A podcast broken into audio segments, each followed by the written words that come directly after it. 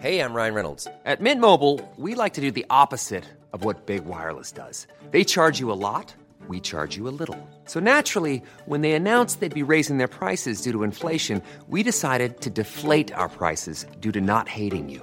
That's right. We're cutting the price of Mint Unlimited from $30 a month to just $15 a month. Give it a try at mintmobile.com slash switch. $45 upfront for three months plus taxes and fees. Promo rate for new customers for limited time. Unlimited more than 40 gigabytes per month. Slows. Full terms at mintmobile.com. Many of us have those stubborn pounds that seem impossible to lose, no matter how good we eat or how hard we work out. My solution is PlushCare.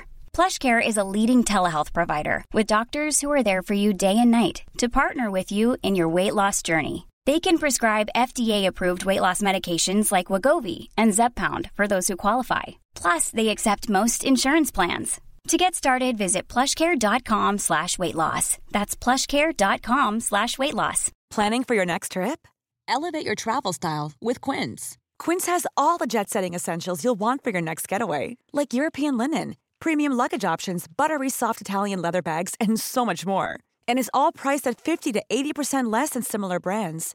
Plus, Quince only works with factories that use safe and ethical manufacturing practices. Pack your bags with high-quality essentials you'll be wearing for vacations to come with Quince. Go to quince.com slash pack for free shipping and 365-day returns. Vi bara dömer dig och dömer dig och dömer dig. Ja, men nu har vi börjat spela in så nu kan vi börja det här super inte skriptade kallpratet. Henrik, vad har du gjort sen senast? Hur är det med dig? Jag kör pizza. Vet du vad jag tänkte på? Nej. Undrar om man inte skulle gå och bli Lasermannen ändå. Oj.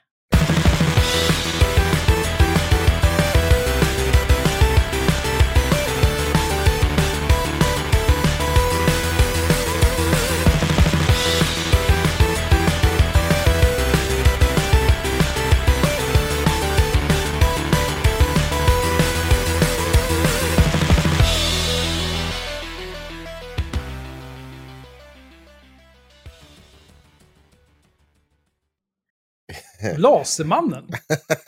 ja, Hallå? Jag pratar i och för sig om Malmös Laserman. ja okej. Eh, ja, men Hur många lasermän finns det? Två väl? ja. Peter Mangs och Och Den gamle. den gamla. Nej, men så här. Jag, jag gillar ju att äta en pizza. Eh, och det ska gärna typ vara saker som ska bort från den här pizzan. Ja, du är en sån. Ja, nej men så här. Jag förstår inte vad...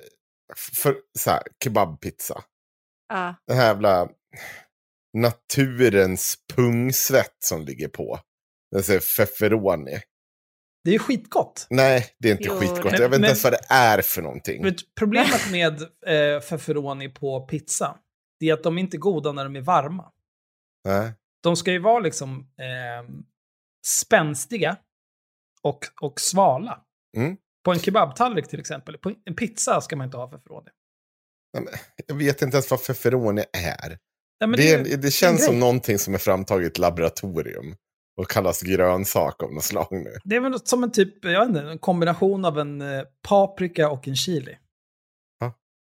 Tror- Som jag, kommer från vad då? Turkland? Nej, jag har ingen aning. Jag Jag vet Sa du bara att det kommer stoppa från? i ansiktet. Turkland, jag vet Ah, inte. okej. Jag Okej, vad- Lasermannen. ja, men jag ska förklara.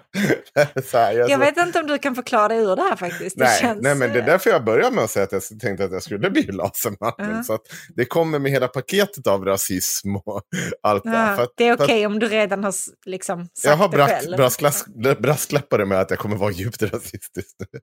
Men eller, det, egent- egentligen inte, för det är inte min poäng. Det är inte därför jag ska vara Lasermannen, utan mer så här. Jag, jag vill, jag vill inte ha de här jävla feferoni på min pizza. Jag vill heller inte ha lök på min kebabpizza. Jag förstår inte varför den ingår på något sätt. Om det, ni kan väl be mig, om ni, om ni, om ni vill fråga så vill jag ha lök på pizzan också? Nej tack, det är bra. Jag förstår inte varför jag skulle ha det för. Men varför Vill- kan du inte bara läsa på menyn vad som ingår i din Ja, pizza? men, men, stopp, det är väl klart som fan jag har. Sen så här, stora så här, blöta tomater som ligger och sunkar ner. Det Bort ska med inte vara tomat på pizza. Nej, det ska bort. Jag behöver inte ha det där. Allt jag vill ha, det är kebab på min flottiga jävla ostpizza. Och så vill jag ha såsen på sidan. Svårare än så är det inte. Så att när jag går in på en pizzeria eller när jag ringer till en pizzeria, då tittar jag, studerar jag det här du vet om menyn. Säger jag så här, oj, här ser jag att det är feferone på den här kebabpizzan som jag vill beställa av er. Det vill inte jag ha med. Eller så är det lök, eller så är det någonting annat. Så jag bara, Nej, men jag skulle gärna vilja bara ha den här kebabpizzan med kebab, ost och sådär. Ja, säger de. Och jag skämtar inte. I åtta fall av tio så ligger det någon jävla feferoni där på. Eller och liksom såsen är indränkt i hela den där jävla pizzan. Och löken är bortglömd. Alltså jag bara, men, jag var väldigt tydlig i min beställning. Jag var supertydlig. Du bekräftade mig. Du hörde vad jag sa. Men det är bara som ni skiter i det. Och då tänker jag så här. Om man bara blev laserman, blir lasermannen, bara åker runt och skjuter pizzagubbar. Och så lämnar man en lapp så här. Lär er att ta en beställning. Det är liksom 90% av ditt jobb. Och så bara gör man det tills de är så jävla rädda för att lägga fel på beställningen så man slipper det här. Så tänker jag. Det vore skönt. Hallå? Hallå, helt rätt reaktion här Henrik. Ja. Eh, Alltså det, det jag känner främst här, det är ju att det här är ju den indignation över ett totalt icke-problem ja. som bara en vit heterosexuell medelålders man kan känna. Men så du säger alltså så här, jag vill ha en kebabpizza men jag vill inte ha alla de här grejerna, bara kebab, bla bla bla bla. bla. Men, vet du vad? Jag är, är uttryckligen rädd på att säga att jag vill bara att det ska vara kebab på pizzan. För till slut kommer de bara med kebab på pizzan. Varför Alltså, går du inte bara ost. beställer typ en margarita med kebabkött och sen kommer du på... Fast när då du kommer ska de ju glömma av kebaben Mm. i åtta fall av tio. Det, det kommer ju inte hända. Jag vet inte vad du har för pizzagubbe. Alltså på... Pizzagubbar, det är överallt. Det är, inte, det är det därför är jag inte kan vara överallt. rasistisk. Det här har aldrig varit ett problem för mig. För de, de är inte från samma land. De är inte, det, är, det är yrket. Det är någonting i yrket som gör att en beställning... Nej, jag vet inte hur. Vadå? Det ska jag här- få- det här den här lappen jag skriver ner för saker på, den, den tänker inte jag följa. På, eh, på min pizzeria här, precis bakom, Mm. där kan man gå och så kan man beställa en kebabpizza. Mm. Då får man det som Henrik vill ha. Så Mm. ser man vilken sås, man kan ha den på eller vid sidan. Mm. Och sen kan man också beställa en du kebabpizza ju- du- du- special. Ja. Och då får man kebabpizza med allt det där extra goda på. Eh, som Henrik är en för stor bebis för att äta. Men det är helt okej. Men, Alltså, kan, men jag, det byt är jag, pizza, vänta, vänta. Det är jag som ringer, det är jag som gör en beställning, det är jag som betalar för den här skiten. Mm. Alltså, man, man kommer ju alltid hem. Man kommer, och ni vet, då har jag åkt en mil. Det är inte direkt jag kan åka och kasta in den där jäveln bara på, på bordet och bara stå och skrika åt dem heller. Du gör väl egna pizzor hemma nu? Jo, men inte alltid. Ibland är jag bara så fruktansvärt bakis så att jag vill inte göra Så, någonting. så då sätter du dig i bilen och kör en mil. Nej, han får ju stackars sambon springa och köpa bakispizza till honom en mil bort. Ja, men fy fan. Ja, men jag blir bara så jävla arg att det ska vara sånt jävla problem. Det känns... Ja, men, eh, En, varje ja, jag gång. vet inte. Nej, Jag kan Nej, inte men, så- relatera. man, det är bara det där att hur kan det vara oftare det blir fel Men än det alltså, blir hur, rätt? hur kan vi fortsätta prata om det här? Jag tycker det är viktigt. Det blir här är ett inte oftare fel än inte rätt. diskuterar. Gå det till en annan pizzeria. Det, Men det, jag ingen... ju, det spelar ju ingen roll vilken pizza jag går till för fan. Nej, då är det du som är dum i huvudet. Jag vet inte vad jag ska säga. Det Har du, brukar du ha det här problemet Axel, när du beställer din capricciosa? Glömmer de svampen till dig då? Nej, oftast Jag när jag beställer en capricciosa så får jag precis en Ja. capricciosa. Ja, Däremot så kan jag säga så här. Eh, det finns ju det finns två ställen jag har varit och ätit på här i Vega. En är pizzeria, som är typ ett, någon typ av ambulerande ugn. Okej. De, de har helt okej pizza, jag har bara ätit där en gång i sig. Men det var en helt okej pizza. Det enda som irriterar mig med dem, det är att de har liksom inte normala pizzor. Utan de har egna pizzor och så är det så här, ja men vi har, eh, vi har vaskat lite rosvatten över den här. Och så massa speciella ingredienser och vi håller på helt duktigt. Jag vill inte ha det. Jag vill ha liksom, vill bara ha en flottig pizza med äcklig skinka och äckliga burkchampinjoner. Det är det jag vill ha. Jag behöver inte hålla på med så här, ja men vi har lite så här smörslungad rucola på. Så jag behöver inte den där skiten. Jag är vuxen. Ge mig bara en vanlig capricciosa. och sen finns det en wok här, där jag har ätit anka två gånger. Ja. Där kan man välja mellan sötsur sås eller stark sås. Första gången så frågade de mig om, om jag vill ha stark sås eller sötsur sås. Så sa jag jag vill ha stark sås, för jag är en vuxen. Ja. Och då fick jag det. Andra gången jag kom dit, då frågade de inte. Och då tänkte jag så här, ja de kanske känner igen mig. Eftersom det bor fem personer här i Vega. Och de vet att jag vill ha stark sås. Då kom de med sötsur sås. Alltså, då kände jag så här, men okej, en gång är ingen gång. Nästa gång jag kommer hit, då kommer jag säga att jag vill ha stark sås, oavsett om de frågar eller inte. Men jag har inte varit där sedan dess. För att jag är så jävla arg. Att de kunde göra så. här. Det var inget fel på den sötsura såsen. Det var gott ändå. Men det var inte vad jag ville ha. Så nu, nu känner jag att nu har jag triggat mig själv till att känna samma vrede som Henrik gör över det här totala icke-problemet. Men jag kan berätta, jag bodde ju en gång med en person Ja. som hade ja, med starka känslor. Mm. Okej. Och vi brukade ju, eh, man är ute förut, ni kanske kommer ihåg eh, när man hade ett liv och man kunde gå ut ner på byn och dricka en öl. Ja. Minns ni det? Mm. ja, knappt. Ja. Ja, men då man, kanske man är ner, och drick, ner på byn och dricker öl. Och sen på vägen hem så köper man ju en kebabtallrik, för att det är klart man gör det. Så kommer man hem.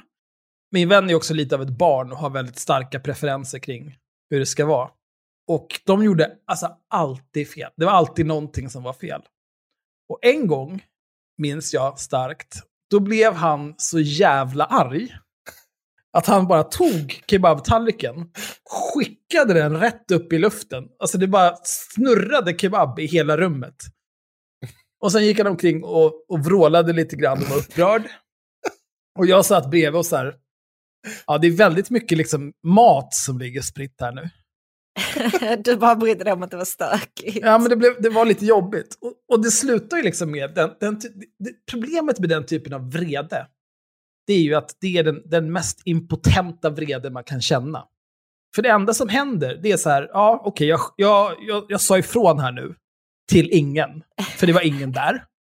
Jag skickade all min mat och visade hur missnöjd jag är. Så nu måste jag städa upp allt det här. Och jag är ju fortfarande hungrig. Så det slutade ju med att liksom, medan han gick och köpte en till kebabtallrik, så började jag plocka upp den där skiten. Och sen så var det liksom inte mer med det. Men jag, Hoppas han jag, då berättade. Vet ni vad jag gjorde med nej, absolut inte. Han, han är ju svensk. Nej, det är Ja, Andreas va, vi pratar Ja, om. visst. Ja. Knyta näven i Det fickan han bara. skulle väl aldrig... Nej. Nej, och jag skulle heller aldrig vara, jag skulle aldrig vara Cissi Wallinsk mot eh, liksom de som hanterar min mat. Eller liksom människor som, jag vill, jag vill ju inte det, men jag bara vill få rätt pizza när jag beställer. Hur svårt ska det vara? Jag menar, det, ni gör det här varje dag. Hur Men det är det... samtidigt, alltså man har ju full förståelse för, det finns ju en anledning till att det finns en meny. Ja. Det är så här, det här är de saker vi säljer. Ja, men jag vill ha, jag vill ha, eh, jag vill ha legobitar på min pizza. Ja, men ser du legobitar här någonstans? Nej. För vi säljer inte legobitar på Fast pizzan. det, är inte, det, det, där är ju, det där är ju en halmgubbe. För det jag ber om, det är att jag, men, jag skulle kunna vara elekt, eller, ja, elektriker. Jag skulle kunna vara allergisk. Ja. Och bara, nej men vet du vad, om, om, om du tar bort de där tomaterna så kommer jag få någon typ av chock Vet du- här. Vet du vad varje restauratör med självrespekt ska säga då? Då får du äta någon annanstans. Det här är det vi serverar. Om det inte passar, om du är för defekt för att äta den här maten, då kan du gå. Ut härifrån. Jag tror att det är en diskriminerings... En del i diskriminering. Allergiker! Ja. De är ju inte ens människor. Där tycker jag att vi tar det jävligt lugnt Vad här. har du för allergier, Sanna? Ja, vad har jag för allergier, Axel? Jag vet inte, solljus? Nej, jag bränner mig ju aldrig. Nej, okej. Men å andra sidan använder jag solkräm också, så att du kommer aldrig få se hur bra jag ser ut när jag blir gammal, för du kommer dö av cancer innan dess. För att Aj. du inte använder. Mm. Ja, men Jag säger det här om- till dig varje sommar. Jag blir, åh, nej nu blir jag arg på dig om den här solkrämsgrejen igen. Du är inte immun mot cancer för att du är svart, Axel. Din jävla sopa. Nej. Och så svart är du inte ändå heller. Det är, Åh, alla vi tänker det, men ingen säger det. Det här med att vi måste... Okej, ja, nej, jag var rädd om det här ska vi Axel. reda ut. Jag vill Ja. att han lever ett långt liv, så han borde börja använda solkräm. Ehm, men det gör han inte, så jag blir arg. Jag är allergisk mot nötter. Alla nötter. Eh, utom mandel. Är du dödligt där- allergisk? in- ja, eh, kanske inte riktigt lika mycket längre, men då inkluderar det också jordnötter och pistage. Men alltså dödligt allergisk så att om, om någon typ öppnar en, Jag är inte luftburen allergiker. Nej, jag bara, får, har ni sett aldrig. det där Jag diskussionen? blir som- kliig, men inte... Det där låter på- inte dödligt. Hörni? Men om jag Har äter det så dör jag. Ja, okej. Okej. Nej. jag- Har du en spruta? Nej, Varför har du inte Jag det? i bakgrunden. därför att... Men vi, vi sitter ju och pratar om Sannas väl och ve här. Därför jag jag försöker ju hade- se till jag att hon inte det. dör när jag bjuder henne på mat. Jag hade det och sen när mina föräldrar skildes så glömdes det liksom bort att förnya mitt recept. Så de senaste 20 åren, så på grund av att mina föräldrar skildes, så har inte jag haft någon spruta för att ingen har förnyat mitt recept. Och jag tänker inte vara en vuxen person som går igenom en allergibehandling eller Det tycker jag utredning. du, det ska du, måste du absolut göra. Tänk om du får i dig nötter och så börjar din hals svälla igen och du håller på att Ja, dö. men som vet om du någon hur har bra- fogskummat dig. Okej, så ett, jag har varit på sjukhuset fem triljarder gånger för att jag är noll försiktig med vad jag äter. Jag är väldigt bra på att andas tills jag kommer fram till sjukhuset och kollapsa där. Väldigt Ja. bra på det. Nummer två, om jag inte vet så måste man göra lite så. Så känner jag direkt, bara, oh, oh, nej, nu känner jag lite grann att det känns lite lipfiller här. Då kan jag inte äta det, denna maten. Mm. Sen dricker jag bara massa vatten. Det är synd, för att jag har ju... Eh, när du ska komma och hälsa på sen i sommar. Ja, Jag har redan en meny klar. aha. Eh, och jag hade tänkt göra en förrätt som är... Man tar champinjoner och så tar man bort stammen. Mm. Mm, och sen så har man gjort en röra på valnötter. Ja, det kan Och- inte jag äta. Nej, valnötter och getost och sen lite honung över. Och så Ja. ugnar man det. Ja, men det lät ju så gott. Ja, det blir helt vidrigt gott. Men nu Ja. går ju inte det. Nej, jag är också allergisk mot vatten. Hallå? Aha. Okej. En sån. En sån. Vad, vad Kul. menar du med det? Jag får, eh, jag får nässelutslag när jag är i kontakt med vatten.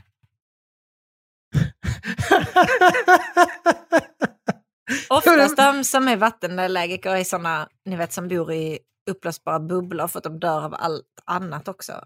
Men jag får bara lite nässelutslag varenda gång jag duschar eller badar eller diskar eller ni vet sådana saker. Det här är ju det sjukaste jag har hört. Alltså. Mm. Och ändå har du valt att skaffa barn. Ja, vadå? Nej, men jag tänker, det, det här, ska, vi, ska vi låtsas som att det här inte är genetiska defekter? Jaha, nej men jag lider ju knappt av det. Jag badar ju mer än någon annan. Mm. Jag Ja, blir ja. lite prickig efteråt bara, men det går ju bort. Får, får jag säga en sak nu? Mm. Har Ah, ni sett det här snacket om eh, just det där eh, med eh, luftburen allergi, att det inte är en grej på riktigt. Utan det är typ någonting psykosocialt. De håller på att bota folk och håller på med så här, ja de har testat det. Men det borde väl vara enkelt att testa? ingen Jo, men det är det de menar. Det, det, de säger ju att en skål nötter till exempel i ett rum, de, eh, de säger, nu, nu ska ni få höra hur jag sitter och hänvisar till forskning jag inte har någon aning om. Ja, men det jag, som jag uppfattar det, så pratar man just om att det är rent fysiskt omöjligt att du ska kunna gå in i ett rum och få den här typen av allergichock. För att det här mängden nötter i luften är, liksom, är för små. Du, det, det går inte. Eh, och så har man eh, tvingat in liksom, folk i rum, alltså så här, med hjälp av, alltså man, de får gå in och testa det, sig fram. Och det första som händer är ju att de får de här jävla tokreaktionerna. Men sen så visar det sig att där går tydligen att ta sig igenom Mm. av skäl. Jag vet inte, men, men någon, någon som är... bä- Jag, jag tänker att vi ska inte... nej, nej, alltså, för mig kliar det i ögonen eh, Ja. om jag är för nära nötter. Men det är ju, en, det är allt. Det är inte mycket Mm. mer än så. Det är mindre än mina kompisar som är så här pälsallergiker som sitter och gråter och snörvlar för att det har varit en katt förra veckan där de råkar vara just nu. Mm. Mm. Jag vet inte. Töntigt. Spännande hörni. Ska vi försö- är det någon annan som har gjort något kul sen sist? Eller Eh. lyckas vi i 17 minuter bara babbla bort allt? Ja, det Jag har, eh, ska vi räkna ut hur, hur många timmar det är? Ja. Jag har varit på picknick idag. Det var Jaha. trevligt. Vad var med? Jaha. Nej. Ehm, nej, jag var på en picknick. Det trevligaste med den picknicken det var att eh, min kompis Joel kom hit och hämtade mig. Och så åkte vi BMW till picknicken. Jaha. Och sen åkte vi BMW tillbaka till Vega. Du bara, när jag kom och hämtade dig med Volvo, då satt du bara fnös hela tiden. Ja, Men jag har ju åkt i din bil så jävla många gånger. Jag är inte imponerad. Ja, men såg du touchpaden eller?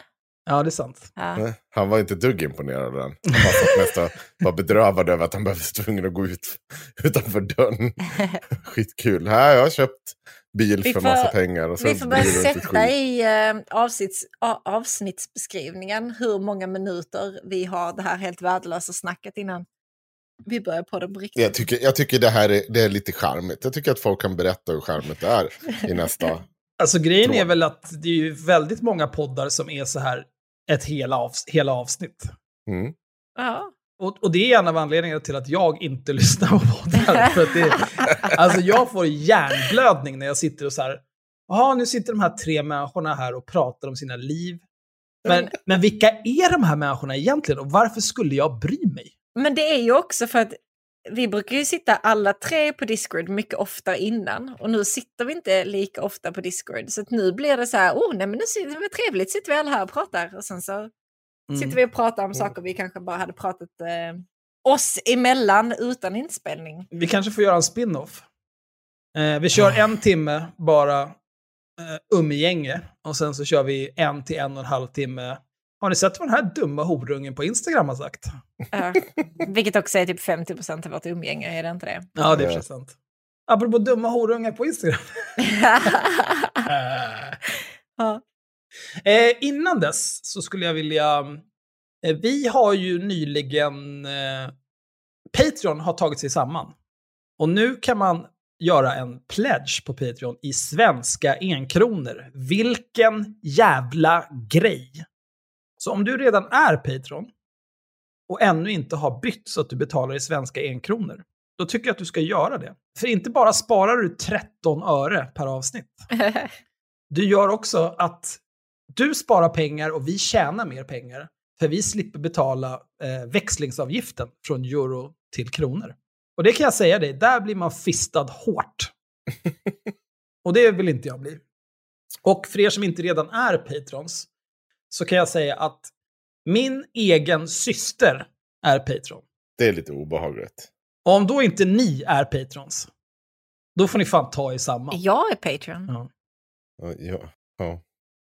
Kanske borde bli det till oss också då. Nej, men, men det blir du- fan inte mer än 10 per avsnitt. Men jag fattar inte varför ni... Var, Ja, jag Du betalar. bara, jag gör ett konto här på Patreon så att jag kan läsa och skriva kommentarerna och så gör du inte det. Jag betalar en dollar i månaden. Jag tänker inte byta. Har du inte ens ändrat till kronor? Du Nej. är ju så jävla sjuk i huvudet. Jag betalar en dollar, det är mitt maxtak. Vi kan släppa hur många avsnitt som helst. Ni får inte mer än en dollar mer. Men vi kan också säga så här.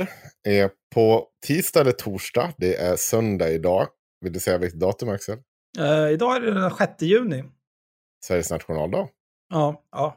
I alla fall. Eh, va? Jag såg en buss med flaggor. Ja, okej. Eh, I alla Okej. fall. På tisdag eller torsdag så kommer vi att spela in eh, avsnittet om eh, Olof K Gustafsson. Jag kan inte på tisdag. Nej, då blir det torsdag. Så torsdag. Eh, så, det kommer komma. Innan dess kommer förmodligen Sommarkatternas första Patreon-sommarjobb ha kommit ut. Eller hur Axel? För du har väl skickat det här till Martin för klippning? Ja, Jag utgick ifrån att Felicia skulle göra Nej, det. hon har ingen aning om hur det görs. Hon vet inte ens hur hon tänker. Ja, jag gör det sen då. Ja, gör det sen. hon har, jag har dock instruerat henne så har alltid sparat lokalt till och med. Bara utifall så att är inget jävla tok och skett. Mm. Det, det kommer massor, massor, massor av content. Bli Patreon, snälla söta rara ni. Och Vi har ju också spelat in ett till avsnitt. Ja, men det kommer inte förrän i juli. Nej, men du kan väl tisa det ändå. Ja, vi har träffat, vi har pratat med Johan Grant. Eh, Grant? Numera Grant. Eller Grant. Eller Grant. Eller Grant, men inte Grant, för han Ja. var känslig för imperialistiskt förtryck. Ja, men i alla fall. Eh, vi spelade in nästan två och en halv timme. Eller vi spelade in två och en halv timme. Tyvärr har en timme av dem försvunnit. Så idag spelar jag in 20 minuter nya. Så att det ska kunna få ett avslut på det här. Ja, alltihopa. Eh, Johan var känd efter att han fick sparken från Lunds universitet. Och har gått runt i olika poddar och berättat hur taskiga eleverna har varit mot honom. Eh, eleverna har såklart en annan syn. Eh, och eh, vi har diskuterat det här med honom. Det var speciellt. Och lite annat. Och lite annat. Så det kommer första juli, men det kommer som ett ordinarie avsnitt. Och då har vi semester när det här avsnittet släpps. Gud vad skönt det ska Jag bli. tyckte faktiskt... Eh, du kanske kommer ihåg vad jag sa, Henrik, när du sa att han skulle vara med i ett avsnitt. Och Ja. jag sa, varför då? Jag är helt ointresserad. Ja. Men jag tycker att det blev ett ganska roligt avsnitt ändå. För att, eh, ja, det, det är ju ofta...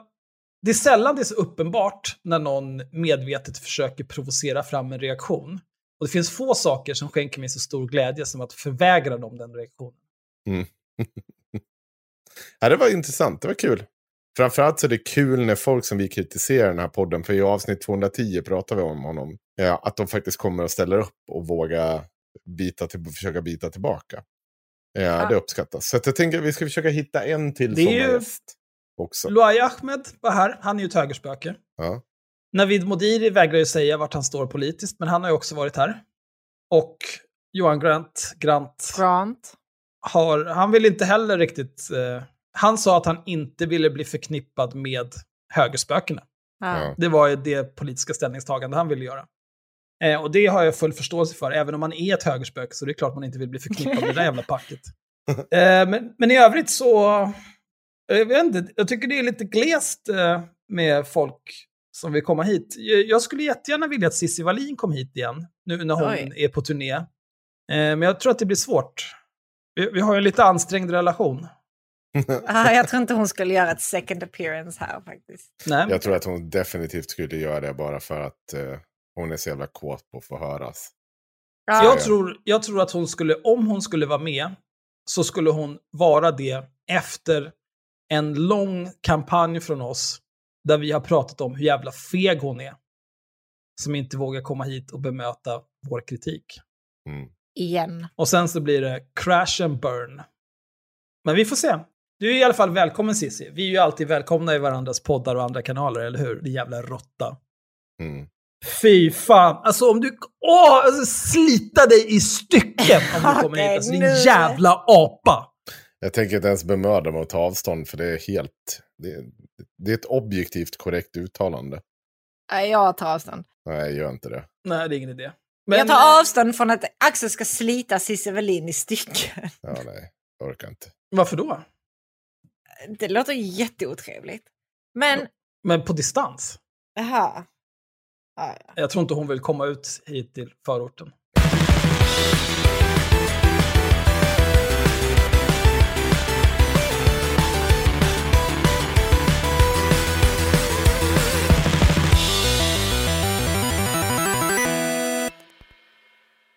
Ja, nej men ska vi, ska vi ta itu med någonting då? Jag kan ta något lite enkelt, en gammal crowd pleaser. Jaha, Ja. okej. En floor filler. Ja. Oj. Jag har ju nyligen börjat botanisera lite grann på Instagram. Vad betyder det? Nej, men, jag är ju, Instagram är faktiskt en, den enda plattformen där jag har gjort mer än ett konto. Anledningen till att jag har eh, ytterligare ett konto där, det är för att jag gjorde först ett Instagram-konto. Och sen så orkade jag inte bry mig om det ett skit. Eh, och sen så loggade jag in på det en gång och insåg att varför följer jag 5000 konton? Och då så, så kollade jag runt bland alla de här kontona och då var det bara olika typer av thirst traps som ville, som ville dela med sig av, här är min privata länk. Och då kände jag, ah! Och så tänkte jag, det kanske finns någon så här trevlig funktion så att man bara kan ta bort alla de här samtidigt. Men det finns det inte, utan man måste gå Nej. in manuellt på varenda jävla konto och klicka avfölj. För att Instagram är så jävla dåligt. Och då kände jag, nej, jag pallar inte med det här. Jag tänder eld på det här kontot och gör ett nytt bara. Eh, och då orkade jag också ordna tvåfaktorautentiseringen OSV OSV. Eh, men sen dess så har jag knappt, jag följer, jag importerade typ från Facebook eller någonting. Och sen har jag knappt lagt till några andra. Men nu har jag börjat kolla runt lite grann vad det finns för människor här. Så Och du har precis finns- upptäckt Instagram? Jag har precis upptäckt Instagram Ja. innevarande år. Mm. Jag är ju jag är snart 42 jordsnurr gammal. Så att, Åh, åh. Eh, Åh, gud. Men jag har hittat eh, Jag spydde i min mun. en av eh, mina personliga favoriter. Ja? Eh, Katarina Janouch. Nämen. Hon eh, driver runt här. Och hon är ju väldigt eh, prolific. Hon är inte som Roger Salström på Twitter förstås. Men hon har 19 000 följare. Hon har gjort 3 539 inlägg. Oj.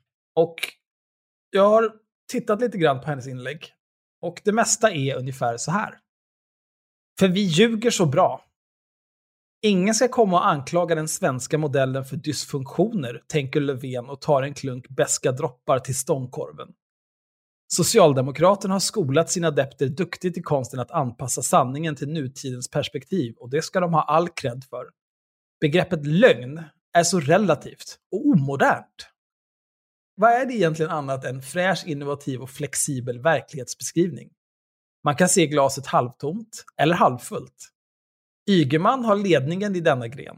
Hans kreativitet kring elförsörjningen kommer nog kamma hem priset för årets ljushuvud. Med god inspiration från Dan. Och att svenska fängelser är överfulla beror ju på att Morgan Johansson är så duktig på att jaga kriminella. Hur kan någon vilja ta ifrån honom det? Och Ekströms huvudräkning i Pisagate är ett skolboksexempel på kreativ matematisk problemlösningsförmåga. Succé med andra ord. Socialismen går ut på att aldrig presentera dåliga siffror. Svensk skola är utbildning i världsklass, precis som vården. Det är fake news att Danmark ska erbjuda medicinsk assistans till Sverige. De vill bara hit för att studera framgångarna och sola sig i glansen. Och att 700 000 raketforskare aldrig kommer att betala ett öre i skatt är ingen kamel i rapsfält. Det löser man genom att införa bankskatt. Så har Sverige snart råd att ställa upp regnbågsfärgade My Little Pony-statyer på varje torg i hela landet. Och arbetslösheten. Sverige har inte EUs högsta arbetslöshet. Bara flest i EU som söker jobb.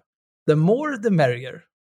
Som att kvinnors eh, utsatthet för sexualbrott ökat med 176 procent sedan han blev statsminister. Ja, men betänk de 824 procent som inte blivit våldtagna. Hallå?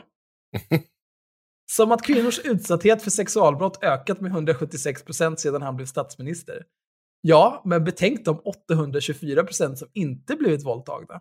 Det som är så jävla fantastiskt med det där, det är att hon har ju räknat rätt.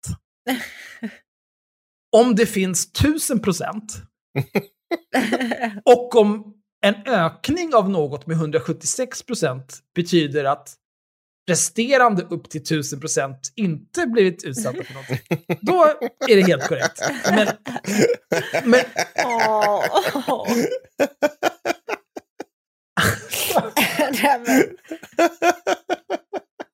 jag ska försöka skämta, jag vet inte. Men med tanke på resten av den här texten, jag tror inte.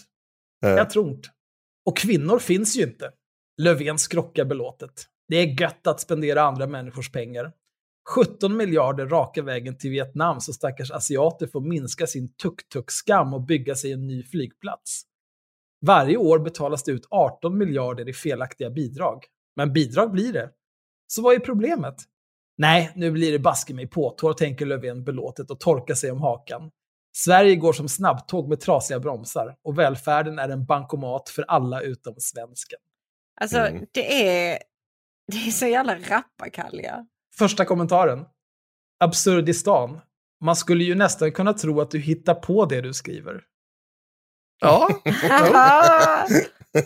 men, det, det här är ju liksom... Eh, det här är Katarina Janus som har läst olika typer av texter, eller förmodligen hon har läst olika typer av tweets. Ja. Om olika saker som liksom retard-högen är upprörd över. Timmarna eller dagarna innan det här skrevs. Och sen så går hon liksom in i, i sin eh, psykjuice-pyramid. Och bara skriver någon stream of consciousness om olika ämnen. Och allting är bara rappakalja verkligen. Ha, jag måste vara kvar. Har ni, har ni läst eller hört, eh, sett klippet med när Kristoffer Gummesson läser Rebecca Uvells eh, om, om att granska den här arabiska tidningen? Ja. Har Nej. du sett? Du har sett den? Jag har sett det. Fan, ja, jag, jag hade egentligen velat Det är väldigt där. bra. Jag länkar det. Ja, du kan länka det. Men och apropå det, också, det ja. eh, vår eh, dotterpodd, Gökungen, kommer fortsatt att streama 19.00 varje söndag. Och sen så finns det en nedklippt version av podden tillgänglig för deras patrons. Jag kommer att länka det också. Klipp. Plus att de lägger upp lite roliga klipp från streamen efter, i veckan som kommer där. De växer sakta men säkert just nu. Det känns bra faktiskt. Ja, det är inga konstigheter. Det är ju ofta så att man startar ett nytt projekt och sen så går det bättre och bättre och bättre. Mm. Det är mm. lite så projekt ska se ut. Det ska inte gå sämre och sämre och sämre. Nej, nej. Ja, nej men förlåt att jag avbröt. Jag bara tänkte om, om du, nu, det hade jag velat haft lite helt live reacts på. Ja, egentligen. Jag... Men Sanna har ju inte sett det. Vill du läsa den ungefär Sanna? Då? För det, jag tror att Eh. våra lyssnare, det är ändå så tolv, det är x antal lyssnare till som faktiskt aldrig kanske fått tillskansa det. Ska jag skicka det till dig? För jag tycker att det hör ihop. Det, det är nästan så att man kan ha någon typ av omröstning om vem, Vem, som är vem mest... som är den största clownen? Ja, alltså det är... Okej, blir så jävla... Det är så jävla dumt. Jag måste bara kolla här. Hissmusik på, tack.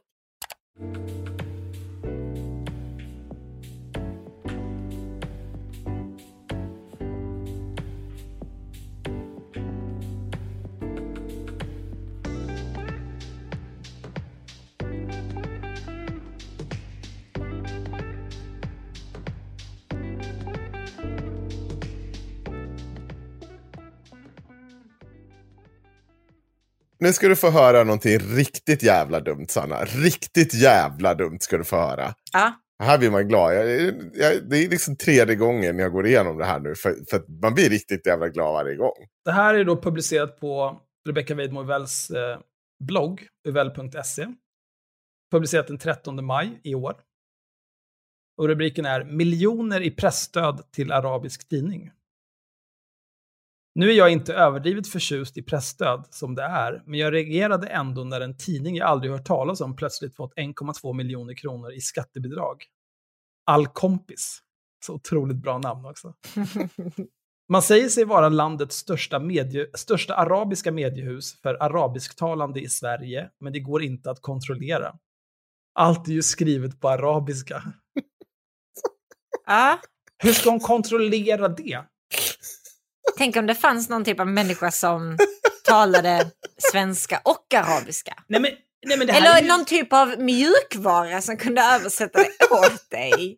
ja, men det är absolut, framförallt, alltså om jag går in på typ DN, Ja. då ser ju inte jag omedelbart hur många de når varje vecka eller whatever. Var ska det stå någonstans? Men Axel, du kanske inte talar svenska? Nej, det är sant. Nej, för om du hade talat svenska hade du kunnat säga det. Och sen, man, man kan ju också, ja precis som du säger, alltså man kan ju dra det här genom Google Translate om man tror att man ska få ut någonting av det. Man kan ju också kolla liksom, eh, det finns ju sajter som rankar andra sajter.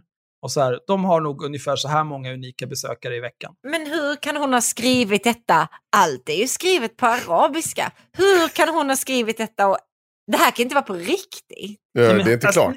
Det är inte Nej men klart. det här är ju... Åh, Ja, alltså läs jag vidare. Men det är också- avskyr Rebecca Man kan ju också, om de har fått 1,2 miljoner i, Mm. i skattebidrag, Ja. och skickat in, då liksom så här, ja men vi vill ha pressstöd på grund av detta, ditten, datten, hej och hå. Då går ju det att begära ut alla underlag.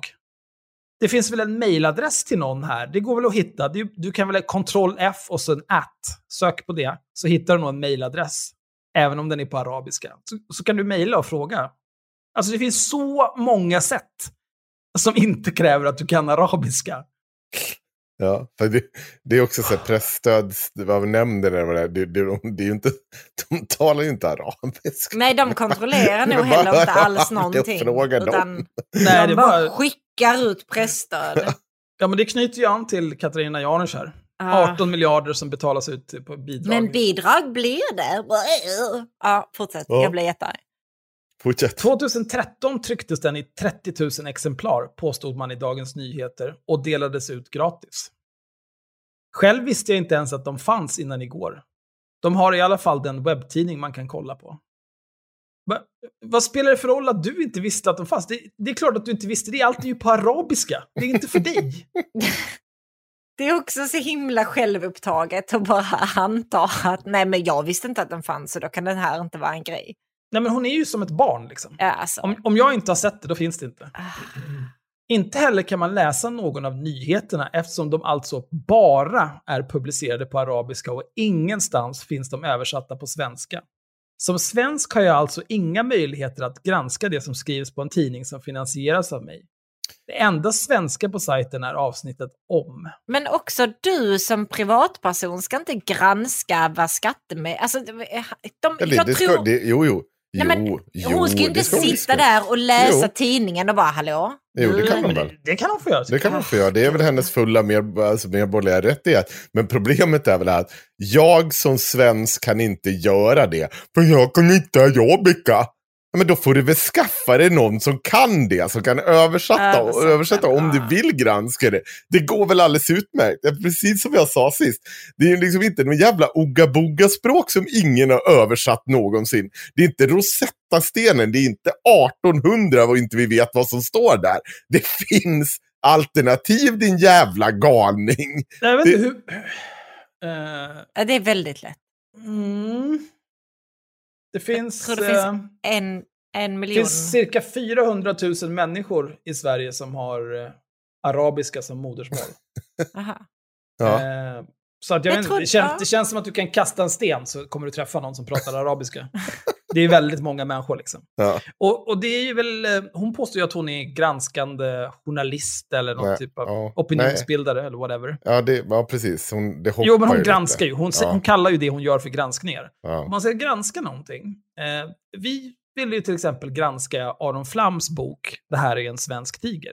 Ja. Men då kanske man inte... Dels, jag vill inte läsa hans bok.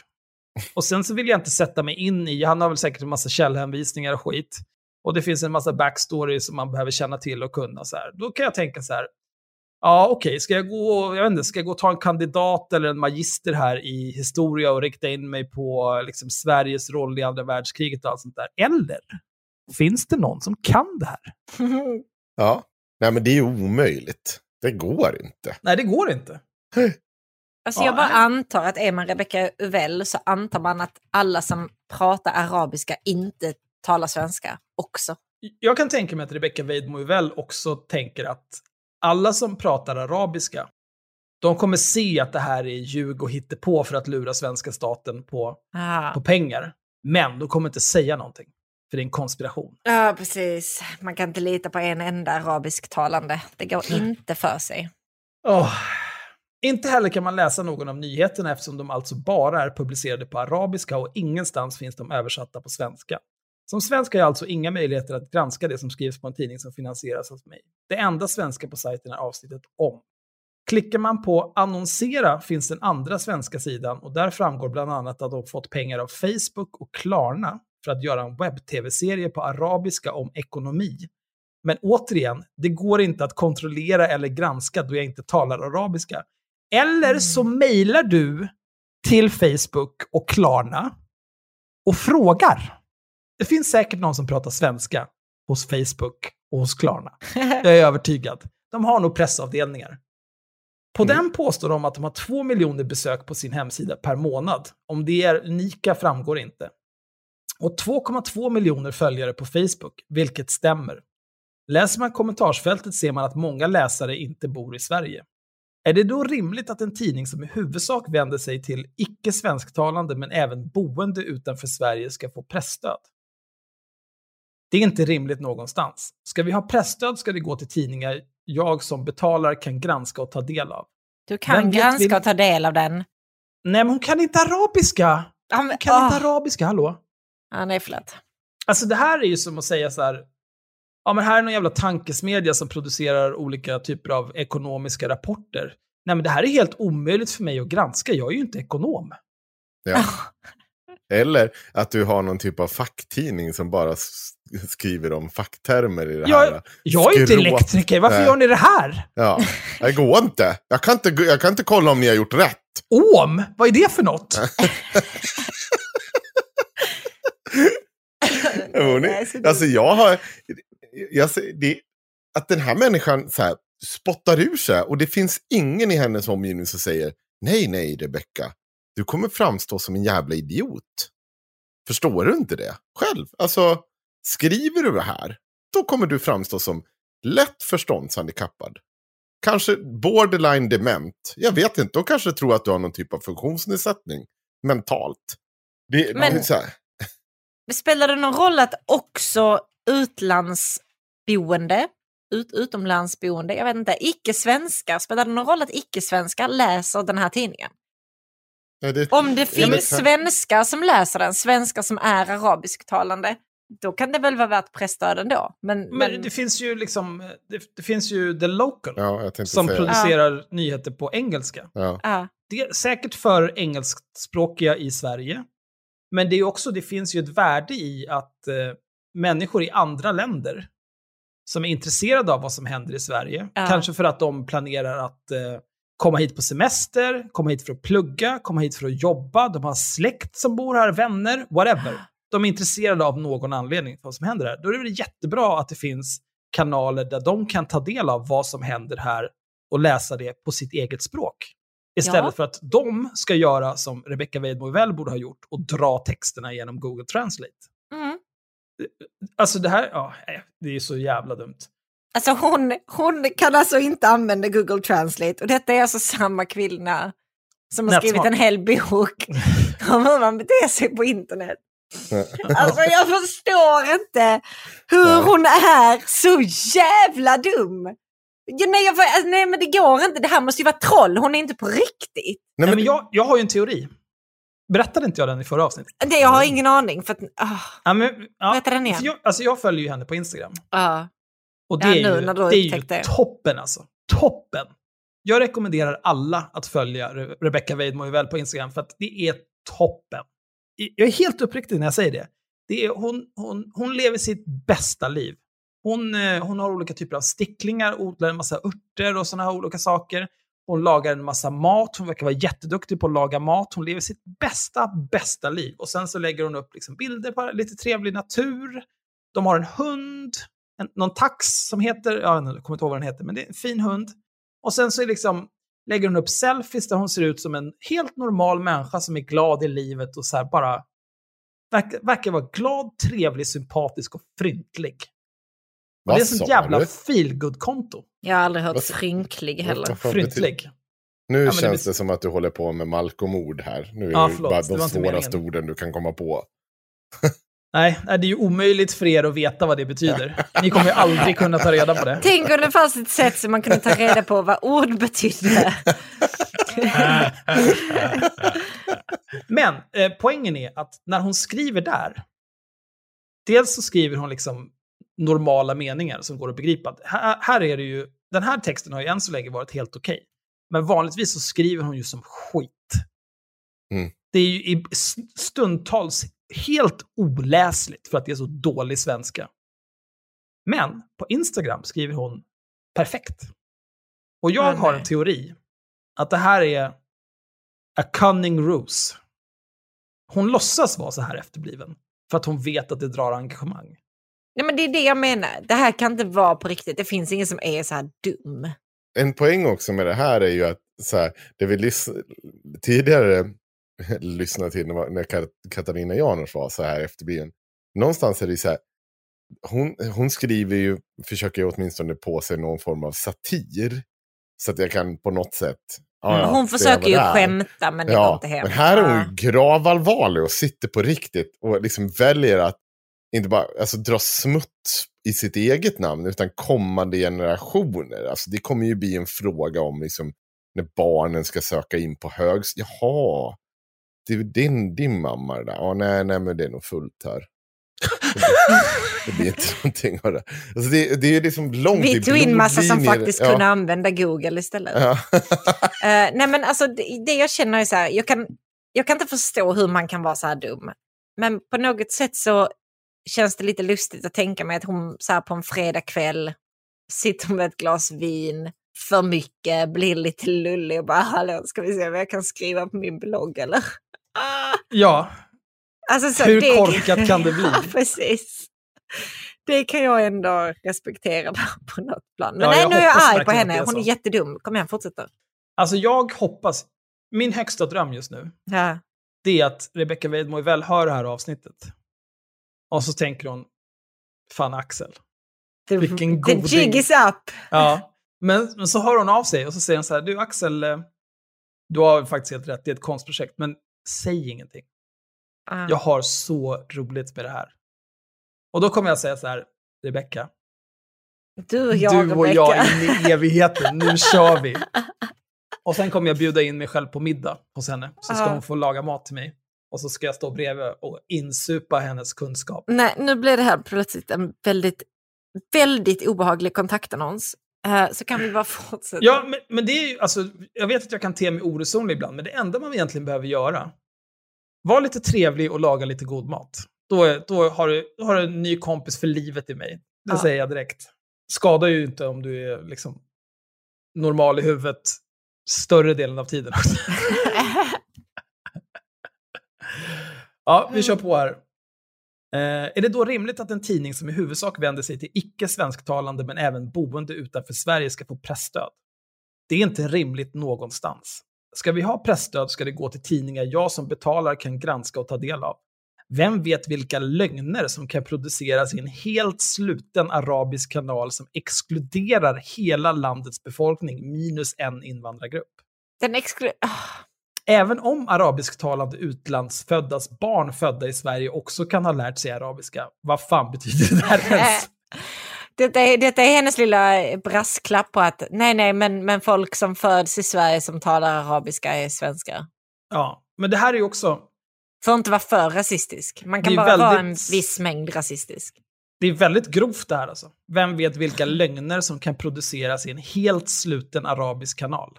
Ja, ja, Till att börja målar ju upp de här eh, Al-Kamrat, nej vad heter de? Al-Kompis, Al-Kompis. som eh, värsta terroristerna. Det här Ja. är ju inte vackert. Men det är också, vad menar du med helt sluten arabisk kanal? Det är Jag ju en sida på internet. Jag vet inte vad hon menar.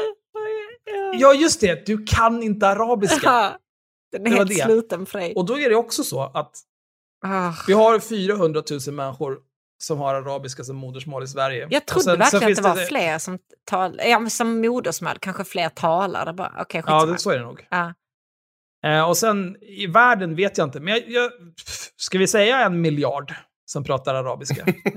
Jajamän, jag gillar det här spåret där vi bara drar siffror. Ja, men vi tar- Nej, men, då, vi, men grejen är så här, jag, är inte, jag, jag har inte... Jag kan inte arabiska. Hur ska jag kunna veta hur många som pratar arabiska Nej, det? Hur det ska jag är kunna ta reda omöjligt på för det dig här? att veta, Axel. Du har inte träffat alla människor i världen. Vad ska du veta vilket världen. språk de talar? Världen. Tre ord skrev jag här nu. Mm, världens tio mest talade språk. Nej, det var fan inte så många. Nej, Det här kan ju inte stämma. vad står det? Mandarin är nummer ett. Det är Ja, nummer ett. såklart. Spanska, engelska, hindi, arabiska. 295 miljoner människor. Ja, Hmm. Ja, det var inte så många. nej. Nej, det var inte... Vänta, Nej, Det men inte en miljard. nej, det var inte. Nej, men det är ju inte som kineserna. 940 miljoner människor pratar mandarin. Ja, det var en miljard. Det är fan svettigt om Ja. de bestämmer sig för att ta en kniv i handen och bara gå rakt fram. Eller om de bara bestämmer sig för att söka pressstöd. För hur fan ska, ska vi ska kunna någon kontrollera vad de säger? Ja, det är helt omöjligt. Mm. Jo, men då, då är ju det här att eh, det hon insinuerar här är ju att det är en helt sluten arabisk kanal. Förutom då alltså att... Hon insinuerar inte det, hon skriver rakt Hon ut skriver det rakt ut, men det hon insinuerar med det är ju att eh, alla som pratar arabiska, det är någon typ av hive mind. De är opålitliga, precis. Ja, om det skulle stå lögner där, och någon som pratar arabiska, och kanske också svenska, skulle se de här lögnerna, då skulle de inte reagera på det. Nej, de skulle inte avslöja det för en icke-arabisktalande heller. Nej. För de håller varandra så hårt om ryggarna. Och då är det potentiellt 295 miljoner människor i världen som skulle kunna se den här sidan, läsa de här lögnerna som produceras i den här helt slutna arabiska kanalen, Ja. inte reagera på det. Oh my god. Ah. Och jag är säker på att eh, för att få pressstöd, man, man går nog bara dit och säger så här, hej kan jag få 1,2 miljoner? Absolut grabben, vi löser det. Vill du ha det i kameler? jag tror inte att det är så det går till. Jag tror att det sker en granskning. Jag tror också inte bara de kastar pengar på vem som helst. Alltså. För vi kommer ihåg när Sveriges unga muslimer Ja. ville ha pengar. Och myndigheten för MUCF. Mu- M- MUKF sa så här, nej men jag tror inte det.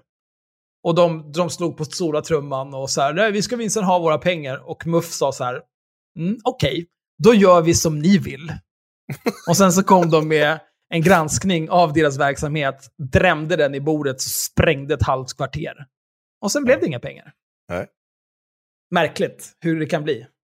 Och då kan man tänka sig att liksom en förening är nog lite mer sluten än vad en webbsida är Jag tror också det. publikt publicerad på internet. Men absolut, Rebecka, det är bra. Hur de producerar tidningen är dock oklart när man läser deras årsredovisning. För de har en enda anställd. I alla fall enligt bokslutet 2019. Pressstödet ovan är för 2020. det här är ju också så här, en tidning, om du bara producerar på internet och du bara skriver arabiska texter också, då tänker jag att de... Ja, nu kan ju inte jag arabiska, så jag spekulerar ju bara. Men det är ju nyheter för folk som talar arabiska, så det är förmodligen mycket nyheter från runt om i världen. Där det finns araber kanske.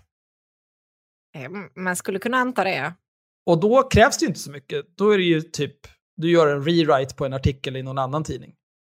Och är det egenproducerat content, då behöver ju inte ha liksom en eh, 20 anställda för det.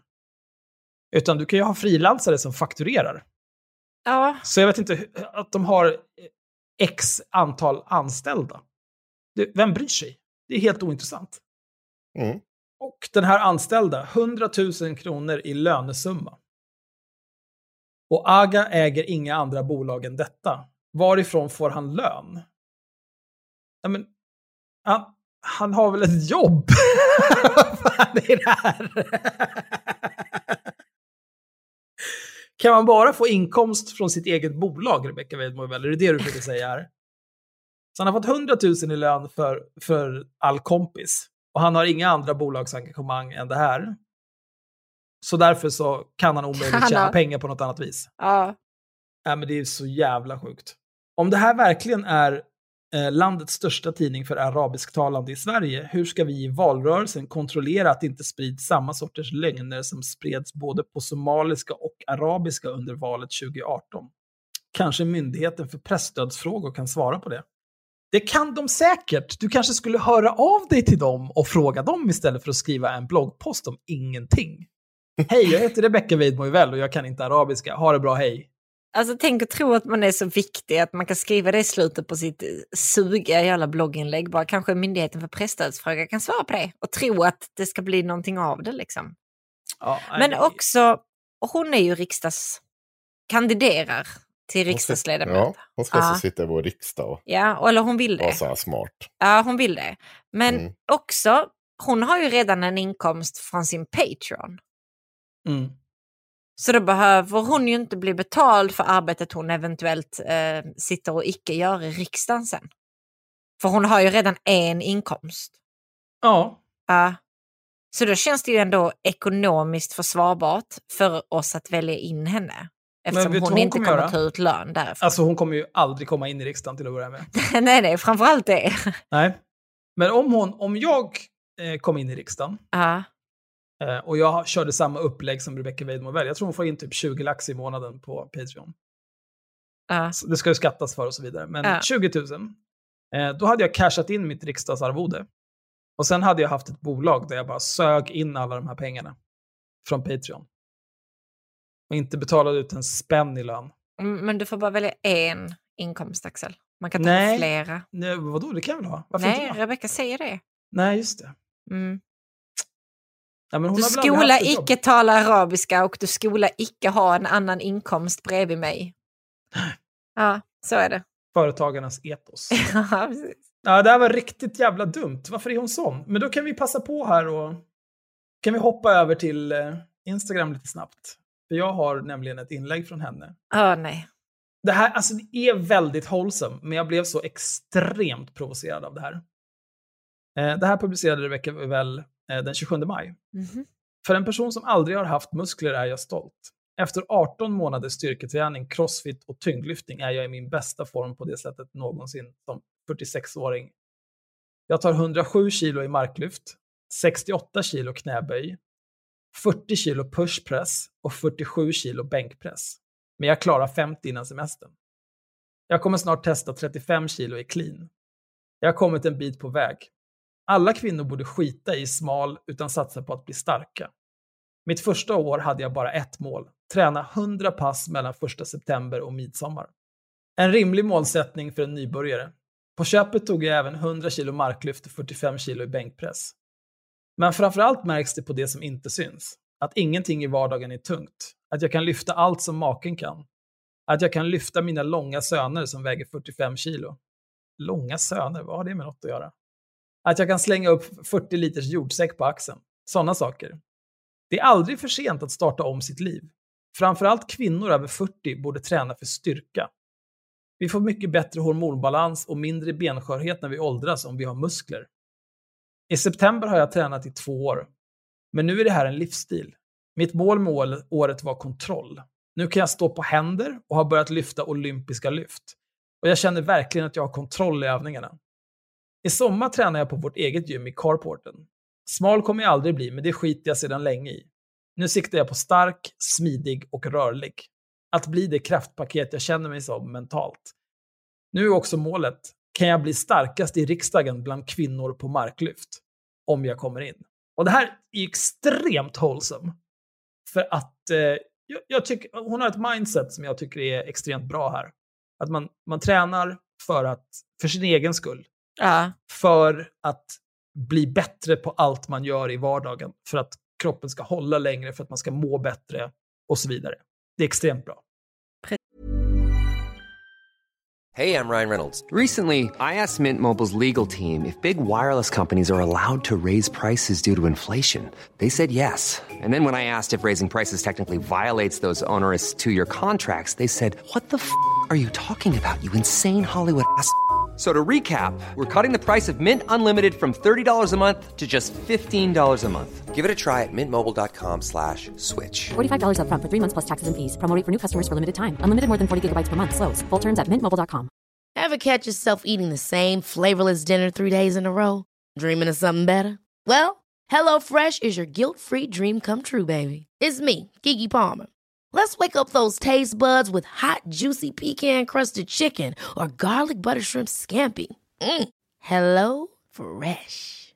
Stop dreaming of all the delicious possibilities and dig in at HelloFresh.com. Let's get this dinner party started.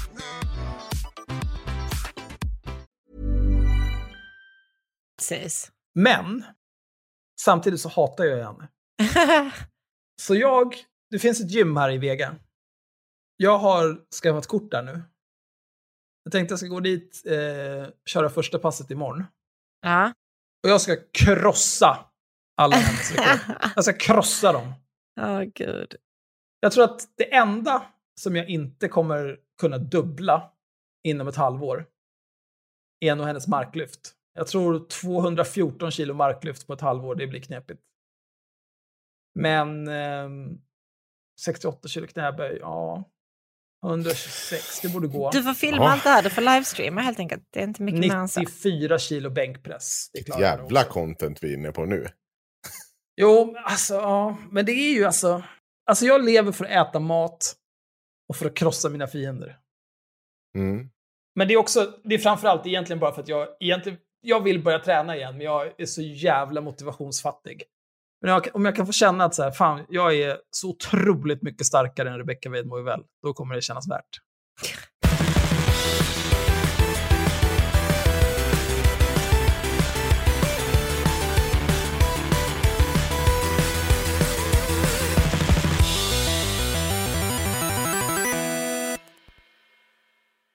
Ja, hörni. Det har ju kommit lite eh, undersökningar.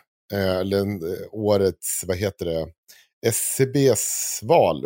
Har ni sett det? Nej. Jag har fått något, eh, någon undersökningspapper om sexuella trakasserier och övergrepp inom akademin som Oj. jag skulle medverka i. Okej. Ja, inte för att jag har råkat ut för det, jag vet, men Ja, okej. ja, nej. Ja. Fick Ja, en men sån de, i alla fall. de släpper ju en i november och en i maj. Mm. Och det anses, anses väl som en av de säkrare valundersökningsgrejerna som finns. Och då kan man se att eh, vänstern går tillbaka 0,4, sossarna tillbaka 1,2. De är på 28,2 nu. Miljöpartiet ligger under spärren. KD backar ganska stort ner till, eller ja, 1 procent då, men, men de är nere på 4,5. Centern går framåt med nästan 2 procent. Och så ser man då Liberalerna som har gått riktigt jävla tungt. De är nere på 2,5 procentenheter. Alltså de är inte ens i närheten av att ta sig in i riksdagen eh, om det skulle vara val idag.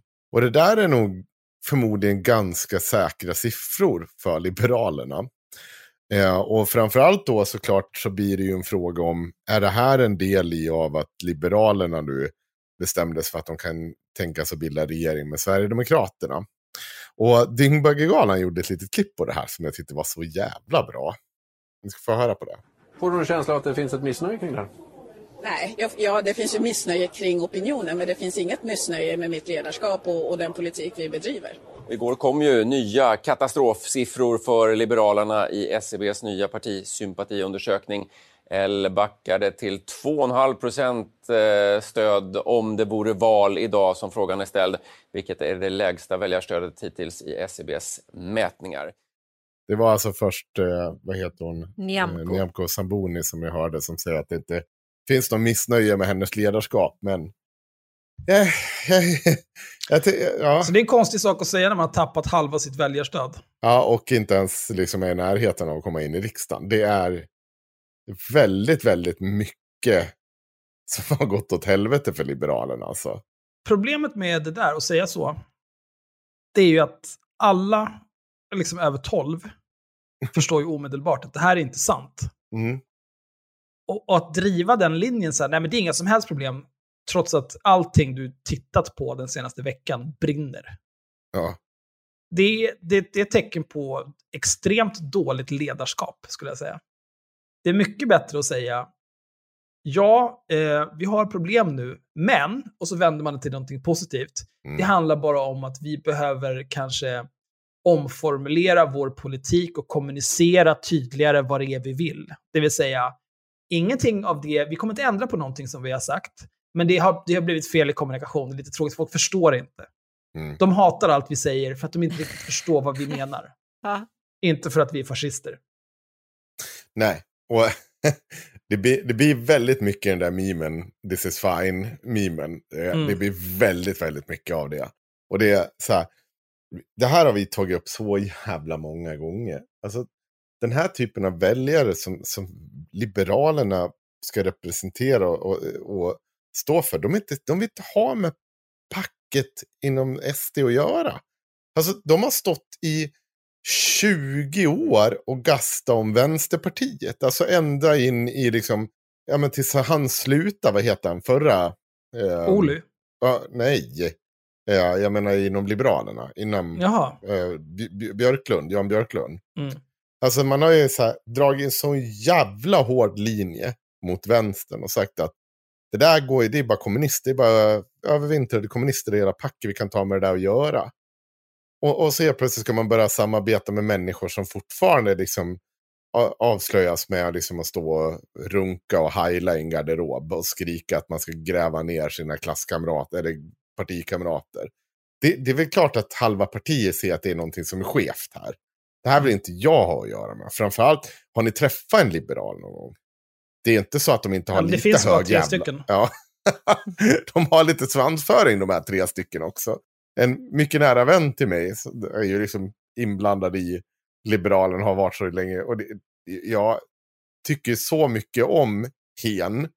Men, men det är också så här, Hens parti, liksom självbild och allting. Det har ju alltid varit lite av vi är demokratins Ja, finaste de, de är ju verkligen demokratin och yttrandefrihetens största fanbärare. Ja, Längst fram på barrikaden. ja. Utan dem så faller samhället. Förutom att de inte gillar, man ska inte skrika så högt när man står där. För att vi, vi kan vara snälla och Ja, det finns ju poänger på båda Ja. sidor när Ja, nazister demonstrerar och det kommer motdemonstranter. Ja, mm, Mm. lika goda kålsupare.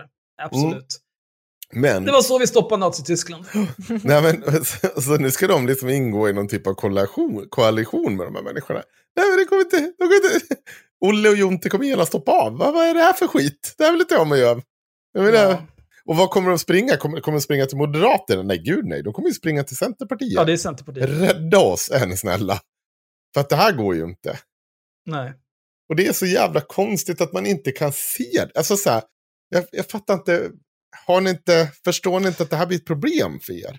Men om man bortser från det där, alltså vad finns det, den politik som Moderaterna har anammat av SD Ja. och den politik som SD, Moderaterna och KD, Mm. den politik de vill bedriva, vad i den är liberalt? Jag vet inte, och framförallt så här, både om du kollar på vad som har hänt, för det första, Sverigedemokraterna ju hatar Liberalerna. De hatar dem. De kan nog stå och hålla käften nu, Bara för att de har sagt att de kan ingå i deras regering, eventuella regeringsunderlag såklart. Men det är ju ingen som tror på riktigt att de inte har, alltså de hatar liberal politik med hela deras jävla hjärta. Men, ja, och det beror Och det- väl också på att de kommer ihåg Jan Björklund. Ja, och eh, eh, det, är liksom inte, det handlar inte ens om rasism. Det handlar om bara att man står för... Även om du bara ger dem liksom det att ja, men vi har den här konstiga låtsaskonservatismen som egentligen bara är rasism. Ja, men ni hatar ju fortfarande liberalism. Ja, det gör de.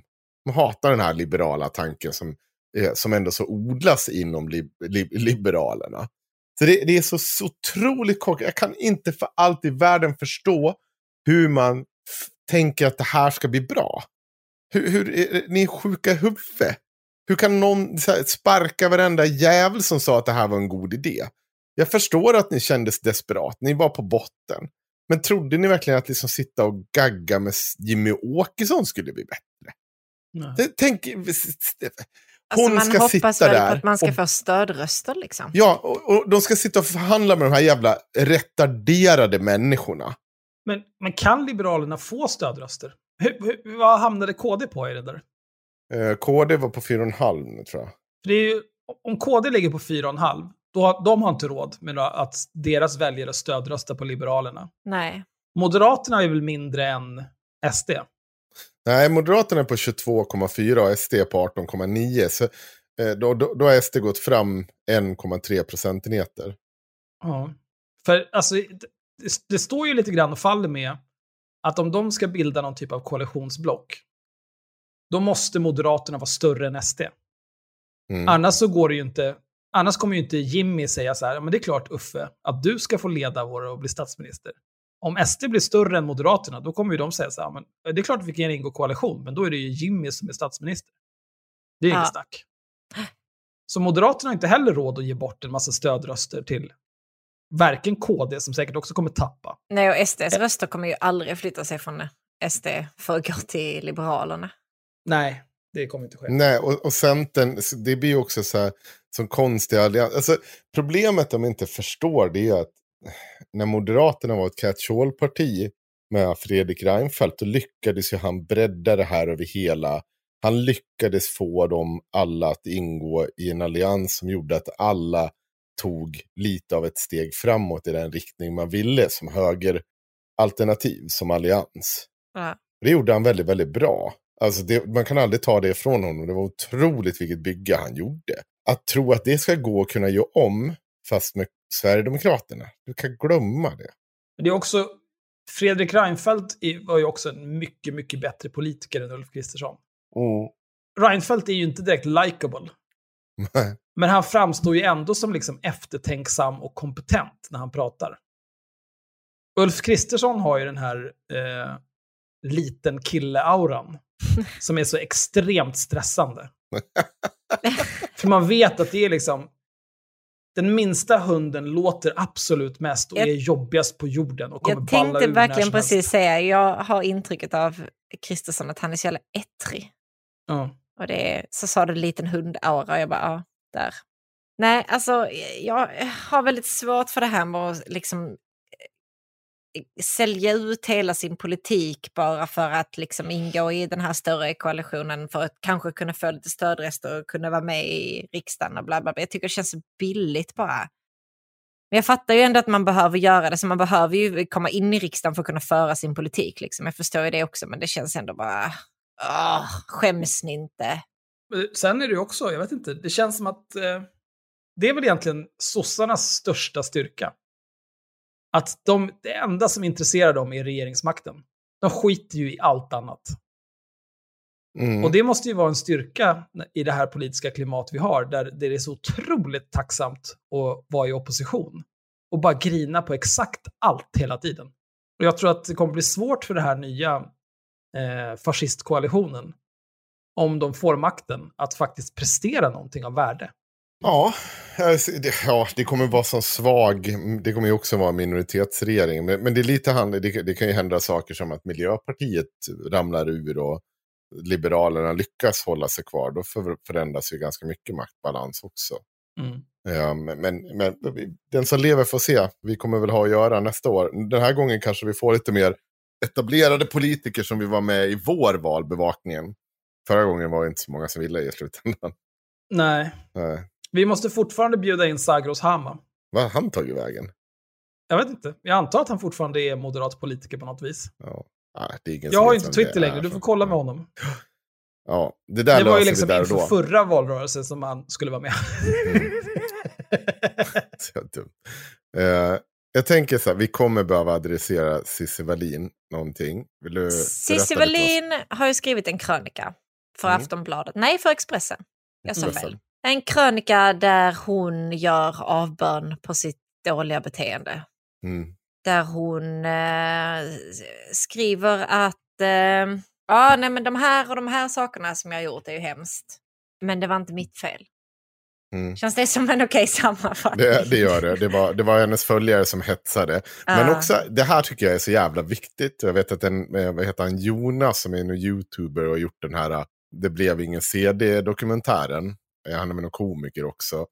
Han, han tog upp det, han tänkte, vi tänkte likadant, men jag tänkte att jag ska ha lite cred för det, för han sa det före mig. Eh, för hon börjar sin krönika så här.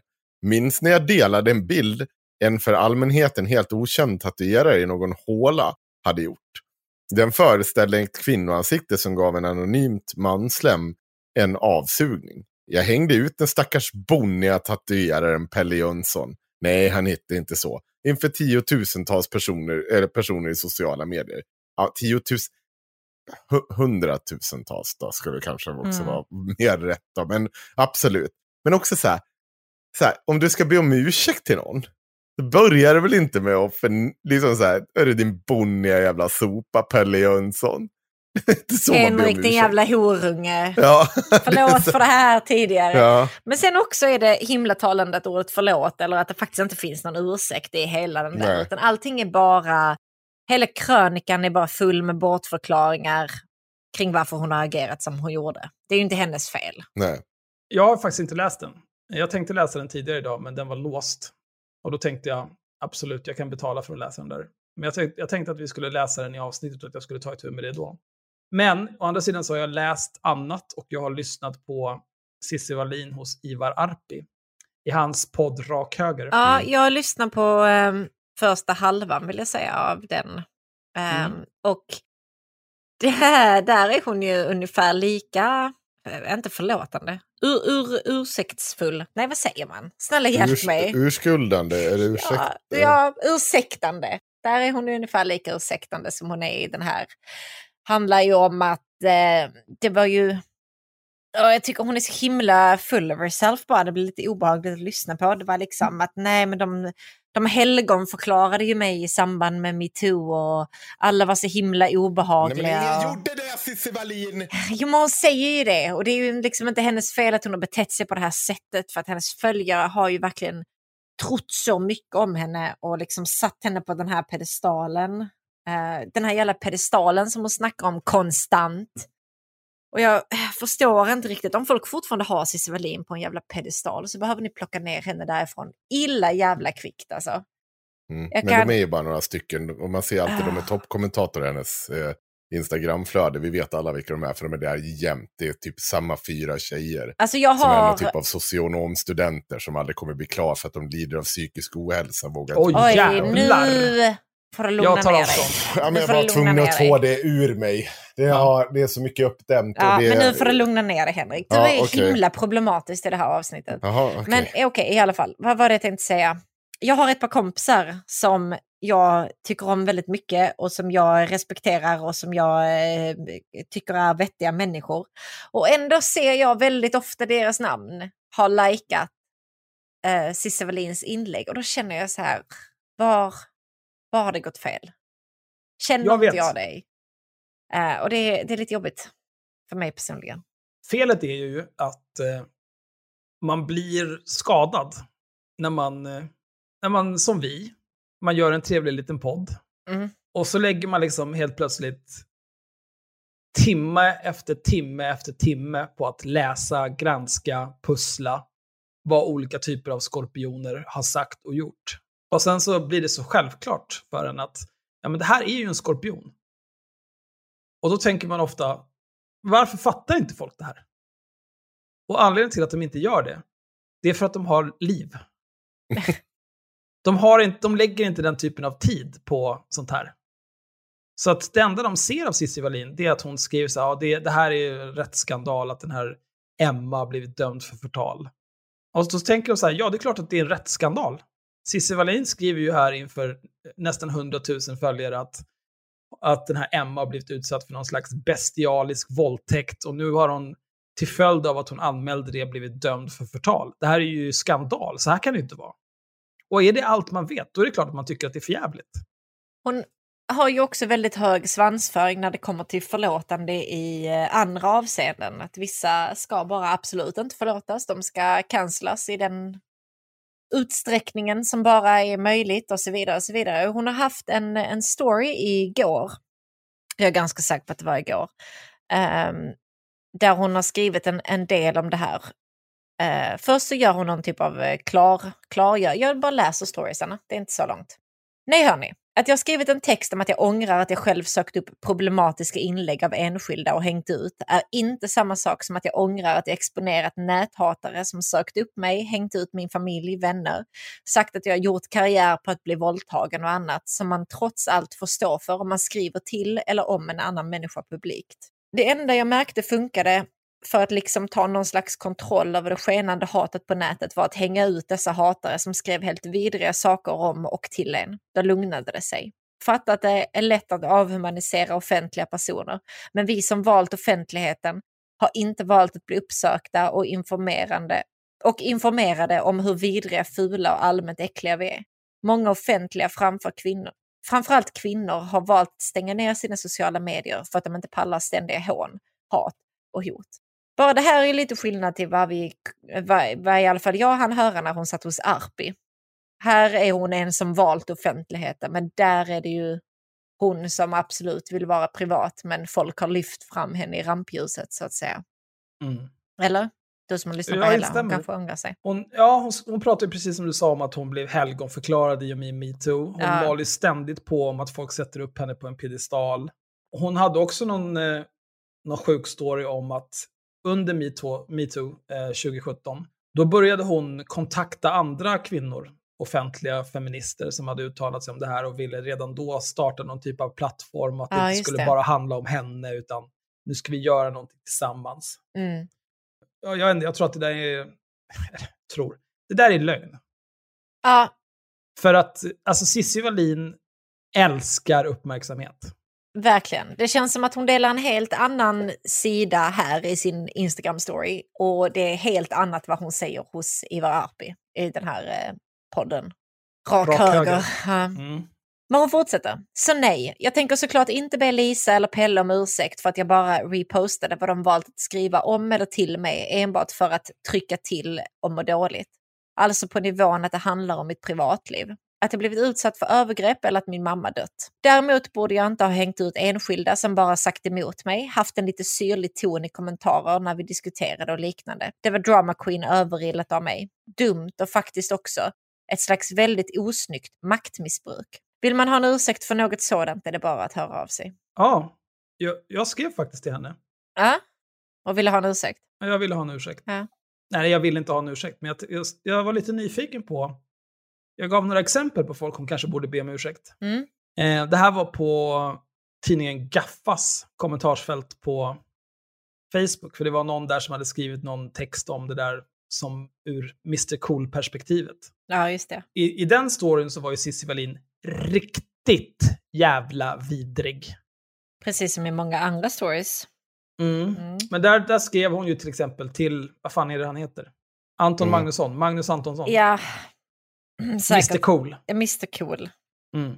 Man får inte göra låtar längre i det här jävla landet. Eh, så när mammisarna ballade ur om rulla garn, då, då fick ju Cissi Wallin nys om att han tidigare hade varit tillsammans med Kim Wall, Kim Wall, ja. journalisten som blev, ja, vad ska man säga, sexmördad av den här äckliga Hon blev jävla, styckad av den här dansken i ubåten.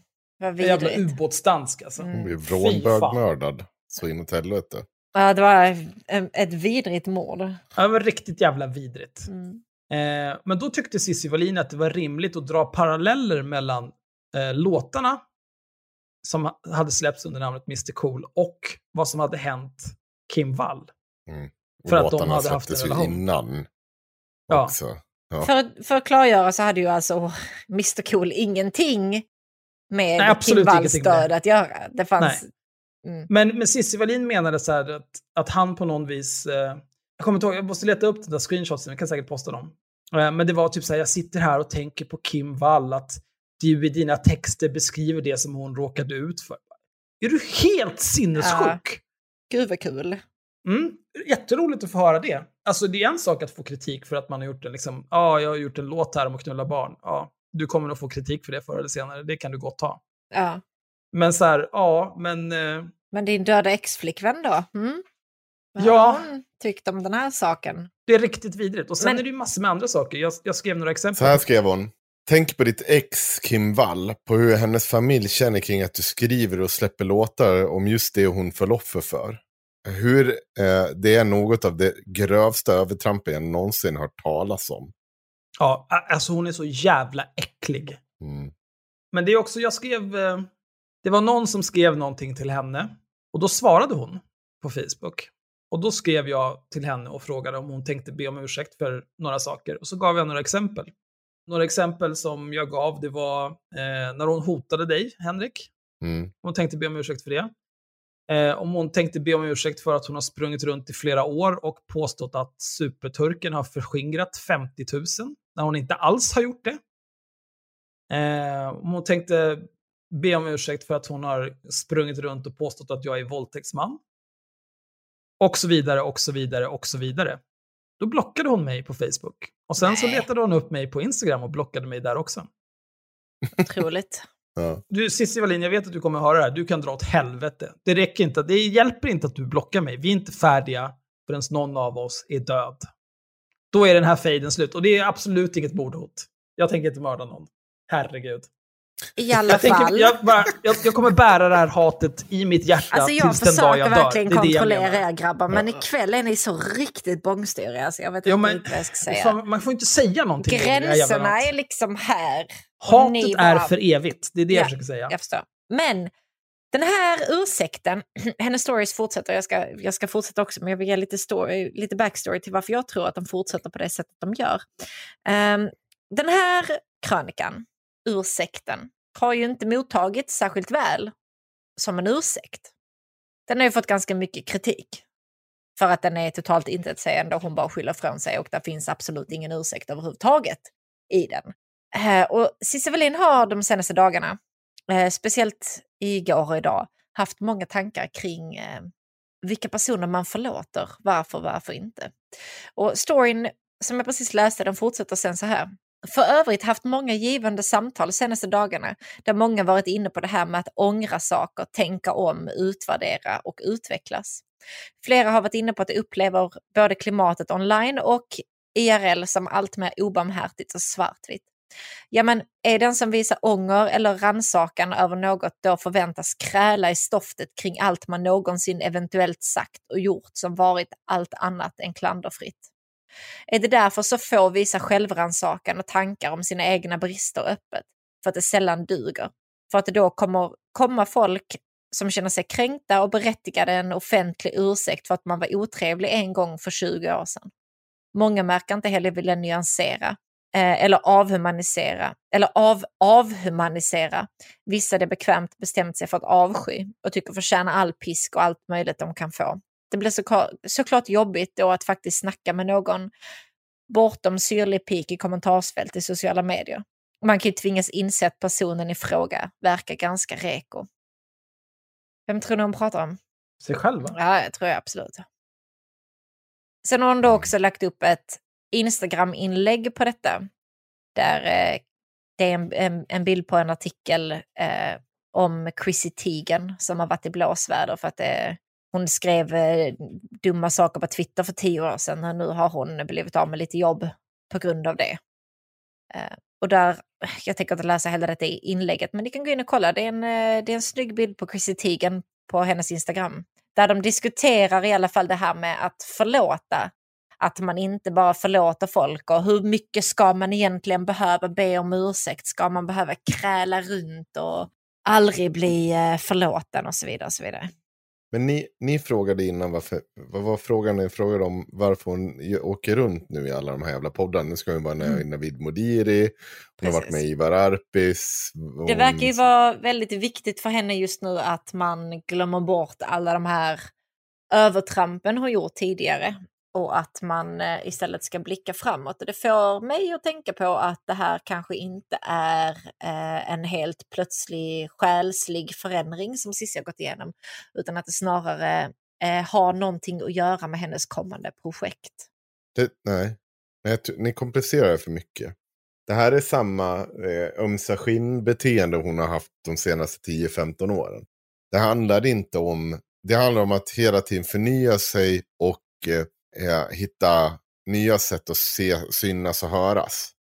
Hon, hon är den typen av narcissistisk pers- personlighetsstörning personifierad som kräver att det spelar liksom ingen roll eller vilken var du står eh, för dagen.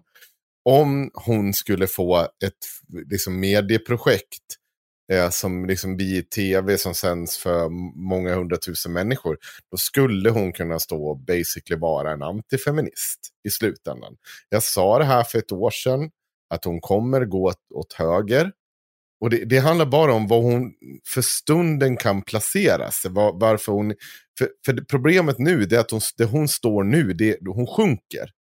Hon får mindre och mindre handlingsutrymme. Nu har hon allierat sig med en dåre som liksom har gjort eh, sina två hundar till sin, liksom, världens största problem. Man har bränt av den här kvinnan på länsstyrelsen. Man, har, eh, man, man, man är full av människor runt omkring sig som säger, men hörni, vi, vänta nu, vad, vad är det för jävla dårar vi, vi håller på och stöttar här?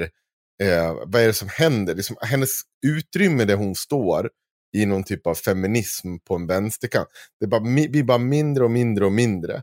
Och då helt enkelt, titta där öppnas en öppning, där borta till höger där, då går jag bort dit och ställer mig. Så säger jag så att det var dumt att dreva, det var dumt att göra så nu. Och så märker hon, oj jävlar, nu får, det får ju jättemycket publicitet på det här. Visserligen säger jag att alla att jag är ett jävla miffo som bara sitter och ljuger. Men då kan jag åka runt och prata om det. Så, så kan jag berätta min historia om det överallt som någon typ comeback queen som ska liksom revolutionera en, en ny typ av rörelse som, Alltså, ja. jag håller inte med dig, men jag tror heller inte att du har fel nödvändigtvis. Alltså, så- att, att, du, att du har sagt att hon ska röra sig åt höger, det håller jag helt med. Ja. Och just nu så verkar hon verkligen öppna upp för den möjligheten att röra sig åt höger. Det är mycket möjligt att det du säger kan stämma, men jag tror också att det har att göra med att hon har två nästintill färdigställda dokumentärer som hon måste sälja in någonstans och ingen vill röra henne med tång. Mm. ja. Det är nog inte en helt... Sen om det är att hon behöver ömsa skinn för att få de här insålda, absolut. Okej. Tror jag vet att det är de, de en- är inte oavhängda av varandra om vi säger så. Nej. Det, det kan jag, jag kan kompromissa med dig på Ja. det faktiskt. De är inte, det, det, de, det ena kräver det andra, så att absolut. Mm. Men, Ja men som sam- jag sa, jag håller inte med dig men du har Ja. inte fel. Ja, men det, det, det är ju bara, eh, och jag kan ju bara bli så jävla förbannad på svensk media som bara hakar på det här. Som alltså gör en stor nyhet. Men varför har ni inte gjort en nyhet på den där stackars kvinnan på Länsstyrelsen? Varför, varför har ni inte gjort en nyhet på alla de andra de här jävla tipsen som jag vet att ni har fått in? Varför snackar ingen om det? Alltså, har det skrivits i någon kritisk artikel om eh, Cissis krönika? Just det här med att ja, men förra veckan satt hon och drev mot den här stackars privatpersonen så de var liksom tvungna att gå in och andra fick ta det här beslutet för att det verkade ju typ som hennes liv var i fara. Ja, nej, men det, det, det är precis det. Unne Drugge, de har ju tagit upp det själv. Drugge får inte ens besöka eh, när hunden avlivas för att eh, man har sett det att det är för många som babblar om fritagningsförsök liksom, försök och eh, eh, liksom, man, man ser det som en real säkerhetsrisk. Ja men Och det precis, men det är ändå jag, ingen även- som nämner det. Att, att det här är liksom det senaste uthängningen av privatperson som Sissi gjorde. Och den gjordes liksom igår i Den- princip. Nej, men senaste uthängningen var förra veckan mot en kille som är... Ja, det var ja exakt just det, en det har varit en innan. till. Ja. Ja. det är helt En vecka innan den här krönikan publicerades. Som hon anklagar för liksom en grov bes- bestialisk våldtäkt som liksom, det finns inget fog Ja, men för. hur, hur länge har hon hunnit sitta och rannsaka sig själv här? För att, ah, jag Inte förstår inte. Nej, men det är bara ett skådespel. Ja, men det är klart att det är. Ja. Vi har ju gjort lite avsnitt. Jag, jag, jag känner så här, jag pallar liksom inte att prata om, upp, upprepa om och om, Nej. om och om igen vilket jävla äckel Cissi Wallin är. Men den som är intresserad kan ju lyssna på, eh, börja med avsnitt 53 tror jag. Ja, avsnitt 53, mest om gardet. Sen så kan ni ju se fram emot avsnittet med Johan Grant i juli. Som var väldigt... Eh, ville väldigt mycket prata om Cissi Wallin. Ja, men det blev men inte jag så är mycket. inte klar här. Ja, ja, förlåt. Ja. Ja. Helvete. Först avsnitt 53. Sen kan ni lyssna på avsnitt 58, där Cissi Wallin är med. Och ljuger sig blå i ansiktet. Avsnitt 60 pratar vi om allting hon ljög om i avsnitt 58. Och eh, avsnitt 61 så har vi med oss Karin Kajan Andersson och Hanna Bergvall som var med och startade. Och då, då kan jag säga att då är inte jag med för då har Cissi Wallin hotat mig. Eh, så att jag var tvungen att kliva åt sidan. Det, har jag aldrig, det tror jag vi aldrig berättat riktigt. Nej. Då klev, vi åt, då klev jag Men åt sidan. när jag är klar, Ja, okej. om jag får... Ja, förlåt. Can I finish? Förlåt. Can I finish? Avsnitt 61, par gäster. Karin Kajan Andersson och Hanna Bergvall. Cissi Wallin nämner dem när hon är gäst hos Ivar Arpi. Inte vid namn, men hon skriver att, eller hon säger att när de startade gardet så tog hon in folk som hade olika typer av kompetenser. Och hon säger då, någon var journalist, Karin Kajan Andersson. Någon pluggade juridik och var nästan färdig, Hanna Bergvall. Mm. Och sen säger hon att hon vill inte tala illa om de här personerna. Men det är tydligt att de här är, de som hoppade av gardet, de är besvikna på henne och de hyser stort agg mot henne.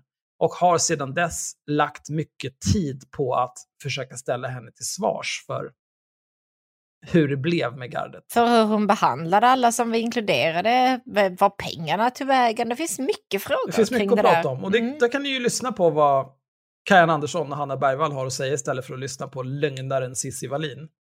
Eh, ni kan ju också ta en titt på gardet som inte har publicerat någonting sedan den 25 januari i år. Men som fortfarande har kvar sin Patreon där det är några tappra själar som trycker in deg varje månad. Samma sak gäller Cissi Wallin och Unni Drugges podcast där de inte, de har publicerat ett eller två avsnitt i år tror jag. Det senaste efter en lång paus och det handlade nästan bara om att eh, Cissi Wallin och Unni Drugge ville smutskasta handläggaren på Länsstyrelsen och Mm. de som har gjort anmälningar riktade mot Unni Drugge för att hon är inkapabel att ha sina hundjävlar kopplade. Där finns det också en Patreon där det slungas in lite pengar varje månad. Vart tar de pengarna vägen? Nej, Cissi Wallin är ett jävla svin. Ring mig Mm. Cissi så reder vi ut när du kan komma och gästa oss igen. Ja, det var... ja, nej men, nej men, ja precis. Vi har gjort det här, vi har haft den här diskussionen så många gånger. Och det, jag, jag, har tänkt, jag har redan också läst upp delar av det eh, meddelande hon skickat till mig där och då. Så det, det är liksom inget nytt, men Eh, vi behöver inte, om man, vill söka exempel på personer som har blivit hotade av Cissi Wallin, eller på annat sätt för att hon har försökt få dem tystade, så finns det gott om dem. Men det är även där som media står stilla. Det händer ju inte ett skit. Och så här skulle, tänker de till exempel Jan Emanuel, eller så här, det här svider lite att egentligen ta det dit, för jag tycker inte att vanligtvis är det inte en grej, men det, det är bara att konstatera, hade Jan Emanuel skrivit de sakerna Cissi Wallin hade skrivit till människor i DM och allt vad det nu må vara, Då hade han blivit Alltså, korsfäst. han hade blivit korsfäst. Hade Hanif Bali, hade någon sossegubbe, hade någon, alltså så här, korsfästning. Kors fucking fästning. Det, det är möjligt att man kan sitta och ha en diskussion om att ja, men de här skulle kunna återuppstå i någon form och dra en massa, absolut. Men de skulle aldrig kunna gå tillbaka till och sätta sig på Expressens liksom, krönikörsplats. Aldrig. För, för det Cissi Wallin har sysslat med är ju att försöka liksom, alltså, tysta folk som har varit kritiska på ett sätt som, alltså det, det, det är borderline lagstiftning. Alltså så här, du, du hade nog åkt dit på det om fler hade vågat anmält. Hon är så jävla sjuk i huvudet. Hon är ond. Och jag har aldrig träffat på en person som är ond på det sättet. Jag tycker att det är dumt att hålla på och säga så här, psyko, psykiskt sjuk. Så här. Skit det, hon är ond. Alltigenom Allt igenom ond. Punkt. Och det är inte så här, hon bryr sig inte är du i vägen för henne så ska du krossa. Så är du, det spelar ingen roll. Hon är, i- är expert på att samla på sig information om människor. Och inte på det sättet. Alltså, hon manipulerar dem. Hon får dem att berätta saker. Sen sitter hon och skvallrar om det direkt efteråt.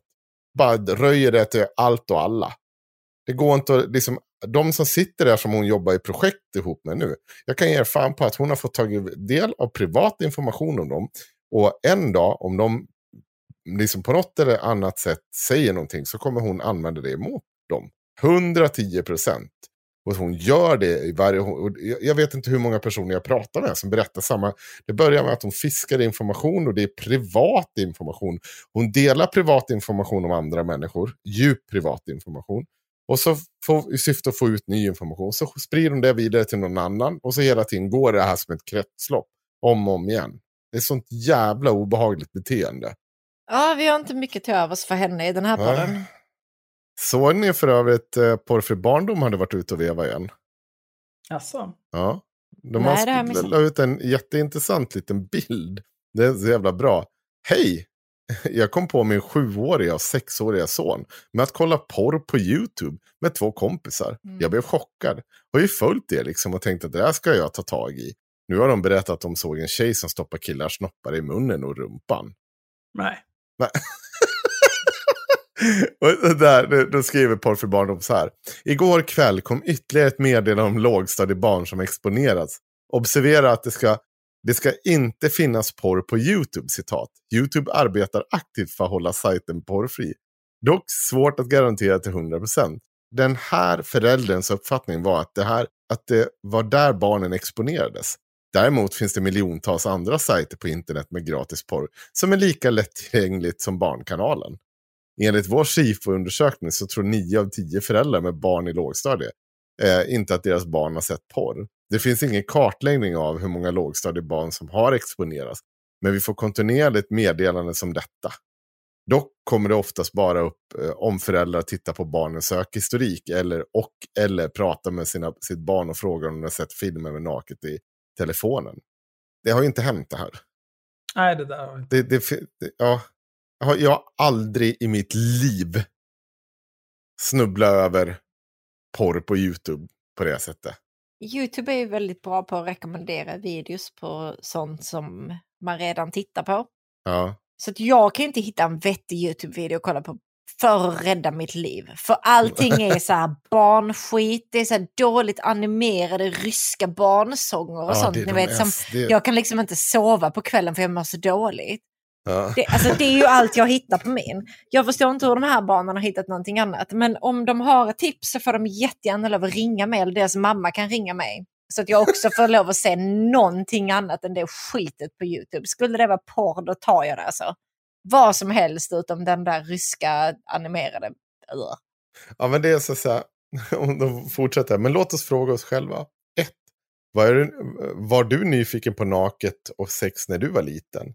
Två, hade du berättat för dina föräldrar att du hade googlat på sex och porr när du gick i lågstadiet? Och så sa beställ ett eget ex av porrsnacket, en handbok för föräldrar. Eh, av och för, eller för föräldrar. Och kom ihåg med, med porrprevention för ditt barn idag. Eller kom igång med porrprevention, men det, det är så jävla. Men alltså, så, ja men det är sånt jävla trams. Det är sånt jävla pissdåligt call to action. Alltså lura, det är dålig reklam. Det är pissdålig reklam. det är klart att man var nyfiken på sex och naket när man var liten. Ja. Det tillhör ju att växa upp.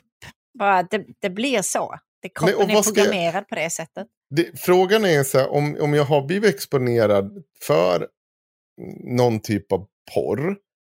Kommer jag dö av det då eller? Eller vad är det, liksom, vad är det som ska hända? Att jag, det, är så jävla konstigt, alltid det är sån otrolig skrämselpropaganda. Jag blir bara så jävla förbannad. Det är så dumt. Ja, men vad ska jag, se- vad ska jag se vad det står här? Nej, men det är som så här, man sitter och tittar på en film, barnen har gått och lagt sig och sen så råkar det finnas en sexscen med den filmen. Det är en, en helt vanlig romcom eller någonting. Och så kommer Ja. barnen ut för de har vaknat precis då. Vad, vad gör man då? Det är ju liksom... Det är lika gärna ta bort barnen och börja om för att de är ju förstörda. Ja, och det, jag vet inte vad jag vill bara... Det är så dumt, allt, allt är så äckligt och de, ja, jag vet att det är blockad av, jag får ju aldrig svar. Så att det här, man vill ju bara berätta att fy fan vilka jävla, vilket piss det här är.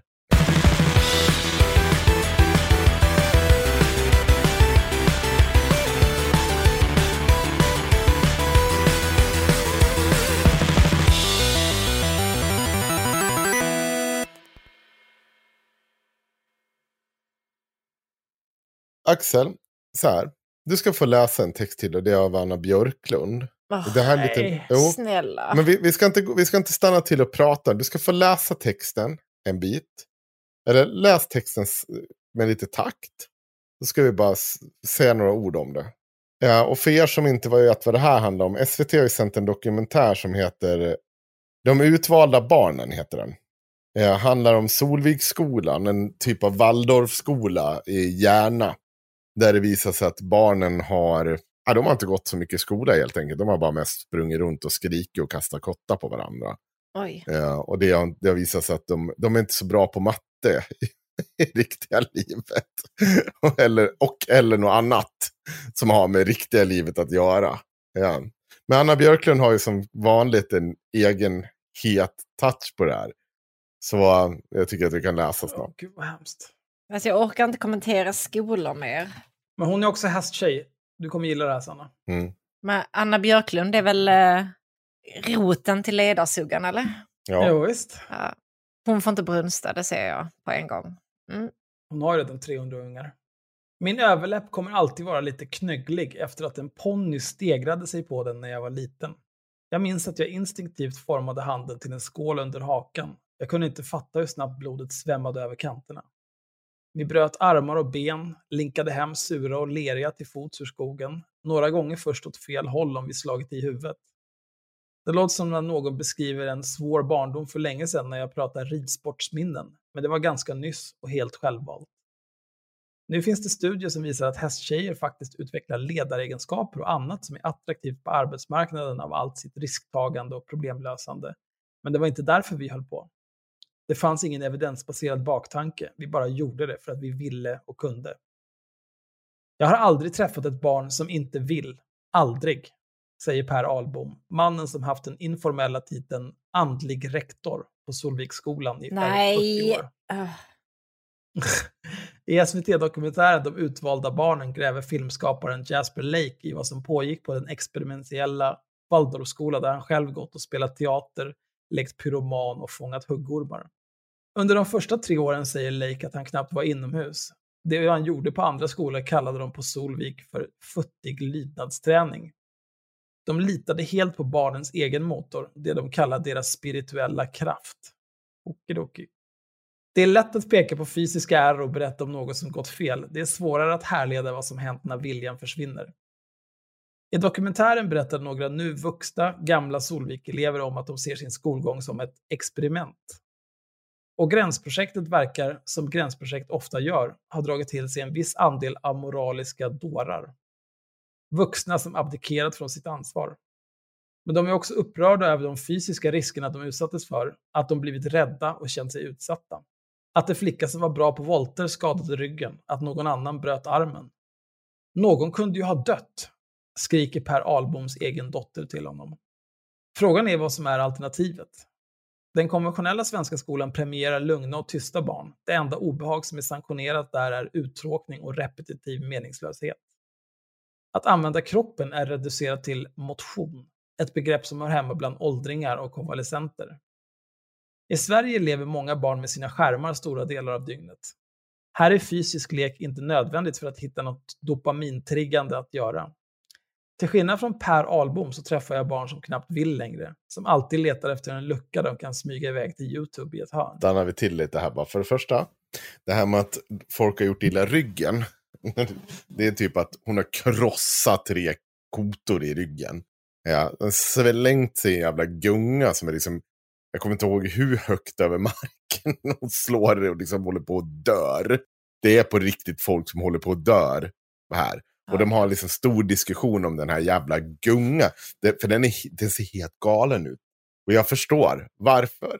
för det är liksom bara, oj, det där hade inte jag kunnat hantera när jag var liten. För då hade jag nog dött. Jag hade dött på riktigt då. Då hade jag slängt mig den där ett par gånger. Sen hade jag bara gjort som jag gjorde med de romerska ringarna i skolan. Bara dragit en jävla frivarv i luften och landat på huvudet. Och sen vart det ambulansfärd. Ja. Perfekt. Uh, ja, perfekt. Och sen um, det här med att, uh, här, det är ju också så här, tillbaka till det vi tog upp när vi träffade Elsa Lans. Uh, det här med skärmtid. Och liksom tron på att ungarna är bara passiva. Det, det är ju bara trams. Elsa lite... Dunkels menar du? Ja, Elsa Dunkels, förlåt. Inte Elsa Lans, ja, Elsa Dunkels. Såklart. Ja, ja men fortsätt. Ja, det, det är ju rappakalja. Mm. Solviklärarna sägs ha favoriserat barnen som klättrade högt och hoppade långt. Och det var första gången på länge jag hör någon säga något positivt om ett aktivt barn. Mina lärare i den vanliga skolan brukade sucka över de som inte kunde sitta still och flera av dem medicinerades för att bli lugnare. Jag ser mattögda föräldrar trycka en skärm i händerna på rastlösa ungar för att få ro, få motorn att hålla tyst ett tag. Prövningarna som de barnen utsätts för är inte de härdande och och uppbyggliga utan nedbrytande abstinensrelaterande. I Silicon Valley har den teknikfientliga Waldorfpedagogiken blivit megapopulär. De som jobbar med tech förstår att bryta det fysiska mot det passiva också innebär risker. Ja, okej. Okay. Det är lätt att peka på fysiska är och berätta om något som gått fel. Det är svårare att härleda vad som hänt när viljan försvinner. På Solvik kallade man det att barn slocknade, när barn slutar skapa och börjar konsumera. Dokumentären presenterar de hundraåriga idéerna Waldorfpedagogiken är baserad på som rent flum, men de kärva idealen är mer relevanta än någonsin. Antroposofin förespråkar hälsa men inte fitnesshets, estetik men inte materialism, miljömedvetenhet och begränsad skärmtid hundra år före det blev trendigt. En genomsnittlig svensk treåring äger över 500 leksaker och förutom att det är fult, dyrt och jobbigt att städa finns nu även forskningsstöd för den sortens materiellt överflöd gör barn mindre kreativa. Waldorf visar något så provocerande som att det finns bättre alternativ. Ja. Mm. Det här hör till, i Silicon Valley har den teknikfientliga Waldorfpedagogiken blivit megapopulär. De som jobbar med tech förstår att byta det fysiska mot det passiva också innebär risker. De vet att det mellanmänskliga sabbas av den beroendeframkallande tekniken de producerar och det svämmar förstås över av studier om hur koncentration, minne och inlärning påverkas negativt. Evidens och resultat hit och dit. Visst, det finns till och med stöd för att Waldorfskolornas besatthet vid syrade grönsaker har positiva effekter på hälsan. Men när det gäller att bejaka barns livsenergi borde intuition räcka. Mm. Mm. Okej. Okay. Men det där, det är så konstigt. Så här, och det är så typiskt Anna Björklunds det här heta tagningar på allting. Som blir bara så jävla efterbliv. För det som presenteras i den här dokumentären, om det stämmer, är ju att man har ju liksom det är allt från att lärarna har fått liksom, eh, mer eller mindre slagit barnen eller att man har fått låtit barn fritt bara vara helt sjuka i huvudet mot andra barn. Och dela in dem i olika typer av eh, hippieflum-grejer, att de var eh, någon olika typer av typer av barn. Och så var ju ett av de här typerna var ju bättre än de andra. Och, så ja, man runt och, ja, och liksom så här, totalt, va, jag, jag, förstår ju vad Björklund vill åt. Det är ju hennes liksom filosofi att nej, mina barn ska minsann inte vara i en jävla förskola och springa runt där. Jag kan vara hemma och ta hand om dem själv. Eh, och det får du väl ha. Men, men nu, nu är det handlar om hur vi ska ha våra barn i skolan. Eh, och då tror jag nog att det är ganska bra att vi premierar att barn rör på sig. Toppen, jag håller med dig där inte jättesmart att låta dem hänga i en gunga liksom 25 meter över marken utan något skyddsnät. Liksom, För då, eh, då kan man slå ihjäl sig. Det, det är väl lika bra. Ja, ja visserligen. Men också så här, eh, att du på riktigt tror eh, att han, den andliga ledaren, tror att den kan prata med djur. Det är inte heller så smart. Det betyder också på att någonting inte riktigt är rätt. Och det är kanske inte jättemycket eh, hur, hur de här barnen ska uppfostras eh, handlar inte, eller uppfostras, utan hur de ska läras. Det handlar kanske inte om så mycket om eh, forskning, utan mer vad han tycker och tänker. Och när barnen sen växer upp och säger att jag kan inte räkna matte, det är väl, det är väl ett problem, ska jag säga. Ganska stort problem. Ja. För liksom folk där kommer därifrån och inte har lärt sig någonting. Det, jag, jag, än en gång, jag förstår. Men vet, det är också en sån konstig bild. Svenska skolan, vi har ju fört in mer liksom rör, alltså så, idrott på schemat. Vi har liksom fattat att det går inte att ha barn passiva, de måste röra på sig. Det är som att de här sakerna inte händer enligt henne. För hon lever ju bara en värld som är liksom, jag går runt på Östermalm och tycker saker. Är hon, hon är lika gammal som mig väl? Ja, Eller vad är- hon ja, är väl- hon är ganska ung. Ja, hon är väl knappt Ganska 30. ung. är man ganska ung om man är snudd på 30? Ja, okej, åh gud vad gubbig jag börjar känna. Vadå, är inte jag ung? Ja, Eller vad nej, säger du? Nej, okej. Ja, Du får byta namn nu. Gammeltackan. Jag vill, inte- jag vill inte vara ett får. Nej, men det är bara, det är bara trams. Det är, hon är så jävla... Nej, men det här med hon beskriver att eh, barnen när hon växte upp var söndermedicinerade typ. Så här, jag, jag kan inte alls relatera till det. det var typ, alltså, jag är född 1992 och när jag gick i skolan så var det knappt någon som var diagnostiserad och ännu mindre medicinerad på grund av ADHD eller ADD eller vad, vad de nu hette på den tiden. Ja. Nej, jag tror inte heller att det var Alltså så. damp hette Ja, hon gick ju upp... Ja, det hette ju- kanske DAMP då. Det är Snälla. sånt. Jag vet Alltså hon gick i överklassskolor. Det, hon snackar skit. Hon, hon snackar skit, hon ljuger. Hon, hon, hon har en bild av samhället som hon tror. Hon springer runt, så än en gång, hon springer runt på Östermalm med sina liksom svindyra träleksaker och hemmasydda. Jag vet inte, ja, vad var det någon sa? Såg ut som att hon sämre version av medeltidsveckan. Oj. Men, Ja. Oj Hon, då. hon, vart ju, någon vart ju, skit, hon vart ju skitsur. Det var ju tankesmedjan. Jag tror det var Fredrik Söderholm som sa det. Eller något sånt. Märkligt. vart det dålig stämning sen. Nej, men det är så här. Hon, och det får hon väl göra, men det, det är också så här. Så här ser det inte ut ute i verkliga världen. Vad fan har du för jävla nidbild av världen som sker runt omkring? Har du, testa liksom bara inte bara umgås med ingen, jag vet inte, med dina barn. Jag vet inte, det, det, det, jävla konstigt. Hon skrev något också när hon, har, när hon hade gått förbi någon så här dagis, eh, en förskola, och, och barnen typ stod uppradade som djur för att de typ ville ut där. För ah, hon är så jävla konstig. Hon måste, hon måste trycka på sitt så här, kan du bara gå hem och leva ditt bästa liv med dina barn om du tycker att det är rätt och rimligt? Det får du väl göra. Stå uppradade som djur. Ja, De kanske skulle gå någonstans. lite Jag skulle på utflykt. Men det Då ska klart, man fan alltså- gå i led och man ska hålla varandra i handen för annars springer någon ungjävel iväg. Ja men det är, fan, fan det, har ni sett när dagis, eller så här, förskolegrejer när de är ute och går? Det, det är verkligen så man, s- de syns på mils avstånd. Ja, ja. Så där kommer inte jag ihåg att det var. Då var det mycket mer, så, det var ungar överallt när vi gick till skolan. Nej, Var det inte det? ungar i reflexväst uppradade, då höll ni jävla vän i handen. Hade man riktigt Så otur så ja, fick man man, höll- någon man inte gillar och hålla i handen. Ja, så, ja, så måste man gå och hålla Pelle Jöns hela vägen och man bara oj, ska vi, åh, så är man skitsur på honom. Liksom. Men Att vi, han- jag kommer inte ihåg några reflexvästar. Jaha, nej, men kanske dina, dina pedagoger hatar dig. Jag vet inte vad jag ska säga Henrik. Bara försvann iväg. Alla barnen Reflexväst, fick reflexväst utom Henrik. För de bara ville bli För av. de ville att han skulle dö. Ja. ja. tack för ikväll grabbar. Mm, tack. Kul nu ska vi upp och jobba. Ja, nej, men tack för den här Just det. tiden. Nej, vänta, jag har en grej till. Ja, ja, ja. Ja, en liten snabb grej. Själva fan. Eh, jag måste bara... Ja, jag ska jobba om sex timmar. Kan vi... Ja, jag ska. Jag ska, jag Rappa ska. på. Här, så här. Eh, jag, jag måste hälsa till Johannes Vergara. Eh, på grund av att någon sa att jag skulle skicka en, en, en vad heter det, vad heter det, sen när man skriver sin autograf. Och det kommer inte ske. jag skulle må så dåligt av det för att jag skulle tycka att det var så töntigt. Men jag kände att jag måste göra någon typ av hälsning. Så hel, hej Johannes Vergara. Vad fan hette du så? Ja, jag är så jävla trött. Han, sa jag. Va? Sa jag inte han? Men vad gör du? Jag skulle bara hälsa till honom. Jag ville Ja, ja. det.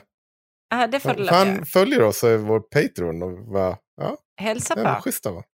Ja, det där är jättebra att du sätter ett precedent där. Så nu kommer vi bli nerringda av fån som vill Men, eh, hälsa olika saker. Henrik, nu när du ändå har gett dig på att uttala lite namn så har jag ett namn jag vill att du uttalar bara lite snabbt. Så kan de som Ja. lyssnar få lov att gissa på vilket namn det är du försöker uttala. här, det är ett kvinnligt förnamn för att hjälpa dig på traven. Det kommer i chatten här. Eh, eh, Jen, jag vet inte, är inte det hon, eh, prinsess Genevieve? Genevieve? Geneve? Nej, du tänker på Guinevere. Ge- Guinevere, ja. Nej, det var Det här är inte Guinevere. Jenny... Genevieve. Och så lämnar vi det på Genevieve och så hör vi om tittarna, äh, tittarna kan, kan höra vilket namn det är Henrik försöker uttala. Vad är det där för jävla... Tack för ikväll, puss puss, fridens. Puss och kram, hej hej!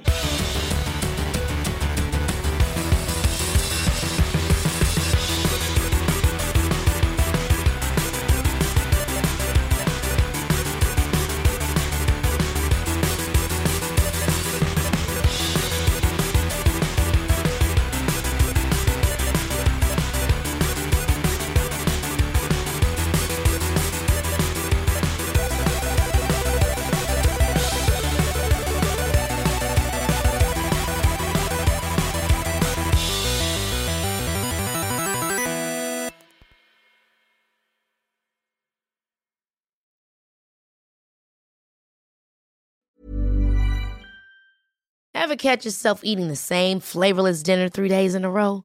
Dreaming of something better? Well, HelloFresh is your guilt free dream come true, baby. It's me, Gigi Palmer. Let's wake up those taste buds with hot, juicy pecan crusted chicken or garlic butter shrimp scampi. Mm. Hello Fresh. Stop dreaming of all the delicious possibilities and dig in at HelloFresh.com. Let's get this dinner party started. Planning for your next trip?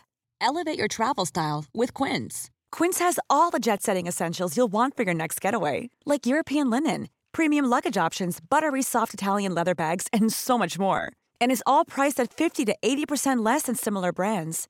Plus, Quince only works with factories that use safe and ethical manufacturing practices. Pack your bags with high-quality essentials you'll be wearing for vacations to come with Quince. Go to quince.com slash pack for free shipping and 365-day returns. Imagine the softest sheets you've ever felt. Now imagine them getting even softer over time. That's what you'll feel with Bowl and Branch's organic cotton sheets. In a recent customer survey, 96% replied that Bowl and Branch sheets get softer with every wash. Start getting your best night's sleep in these sheets that get softer and softer for years to come. Try their sheets with a 30-night guarantee. Plus, get 15% off your first order at bowlandbranch.com. Code BUTTERY. Exclusions apply. See site for details.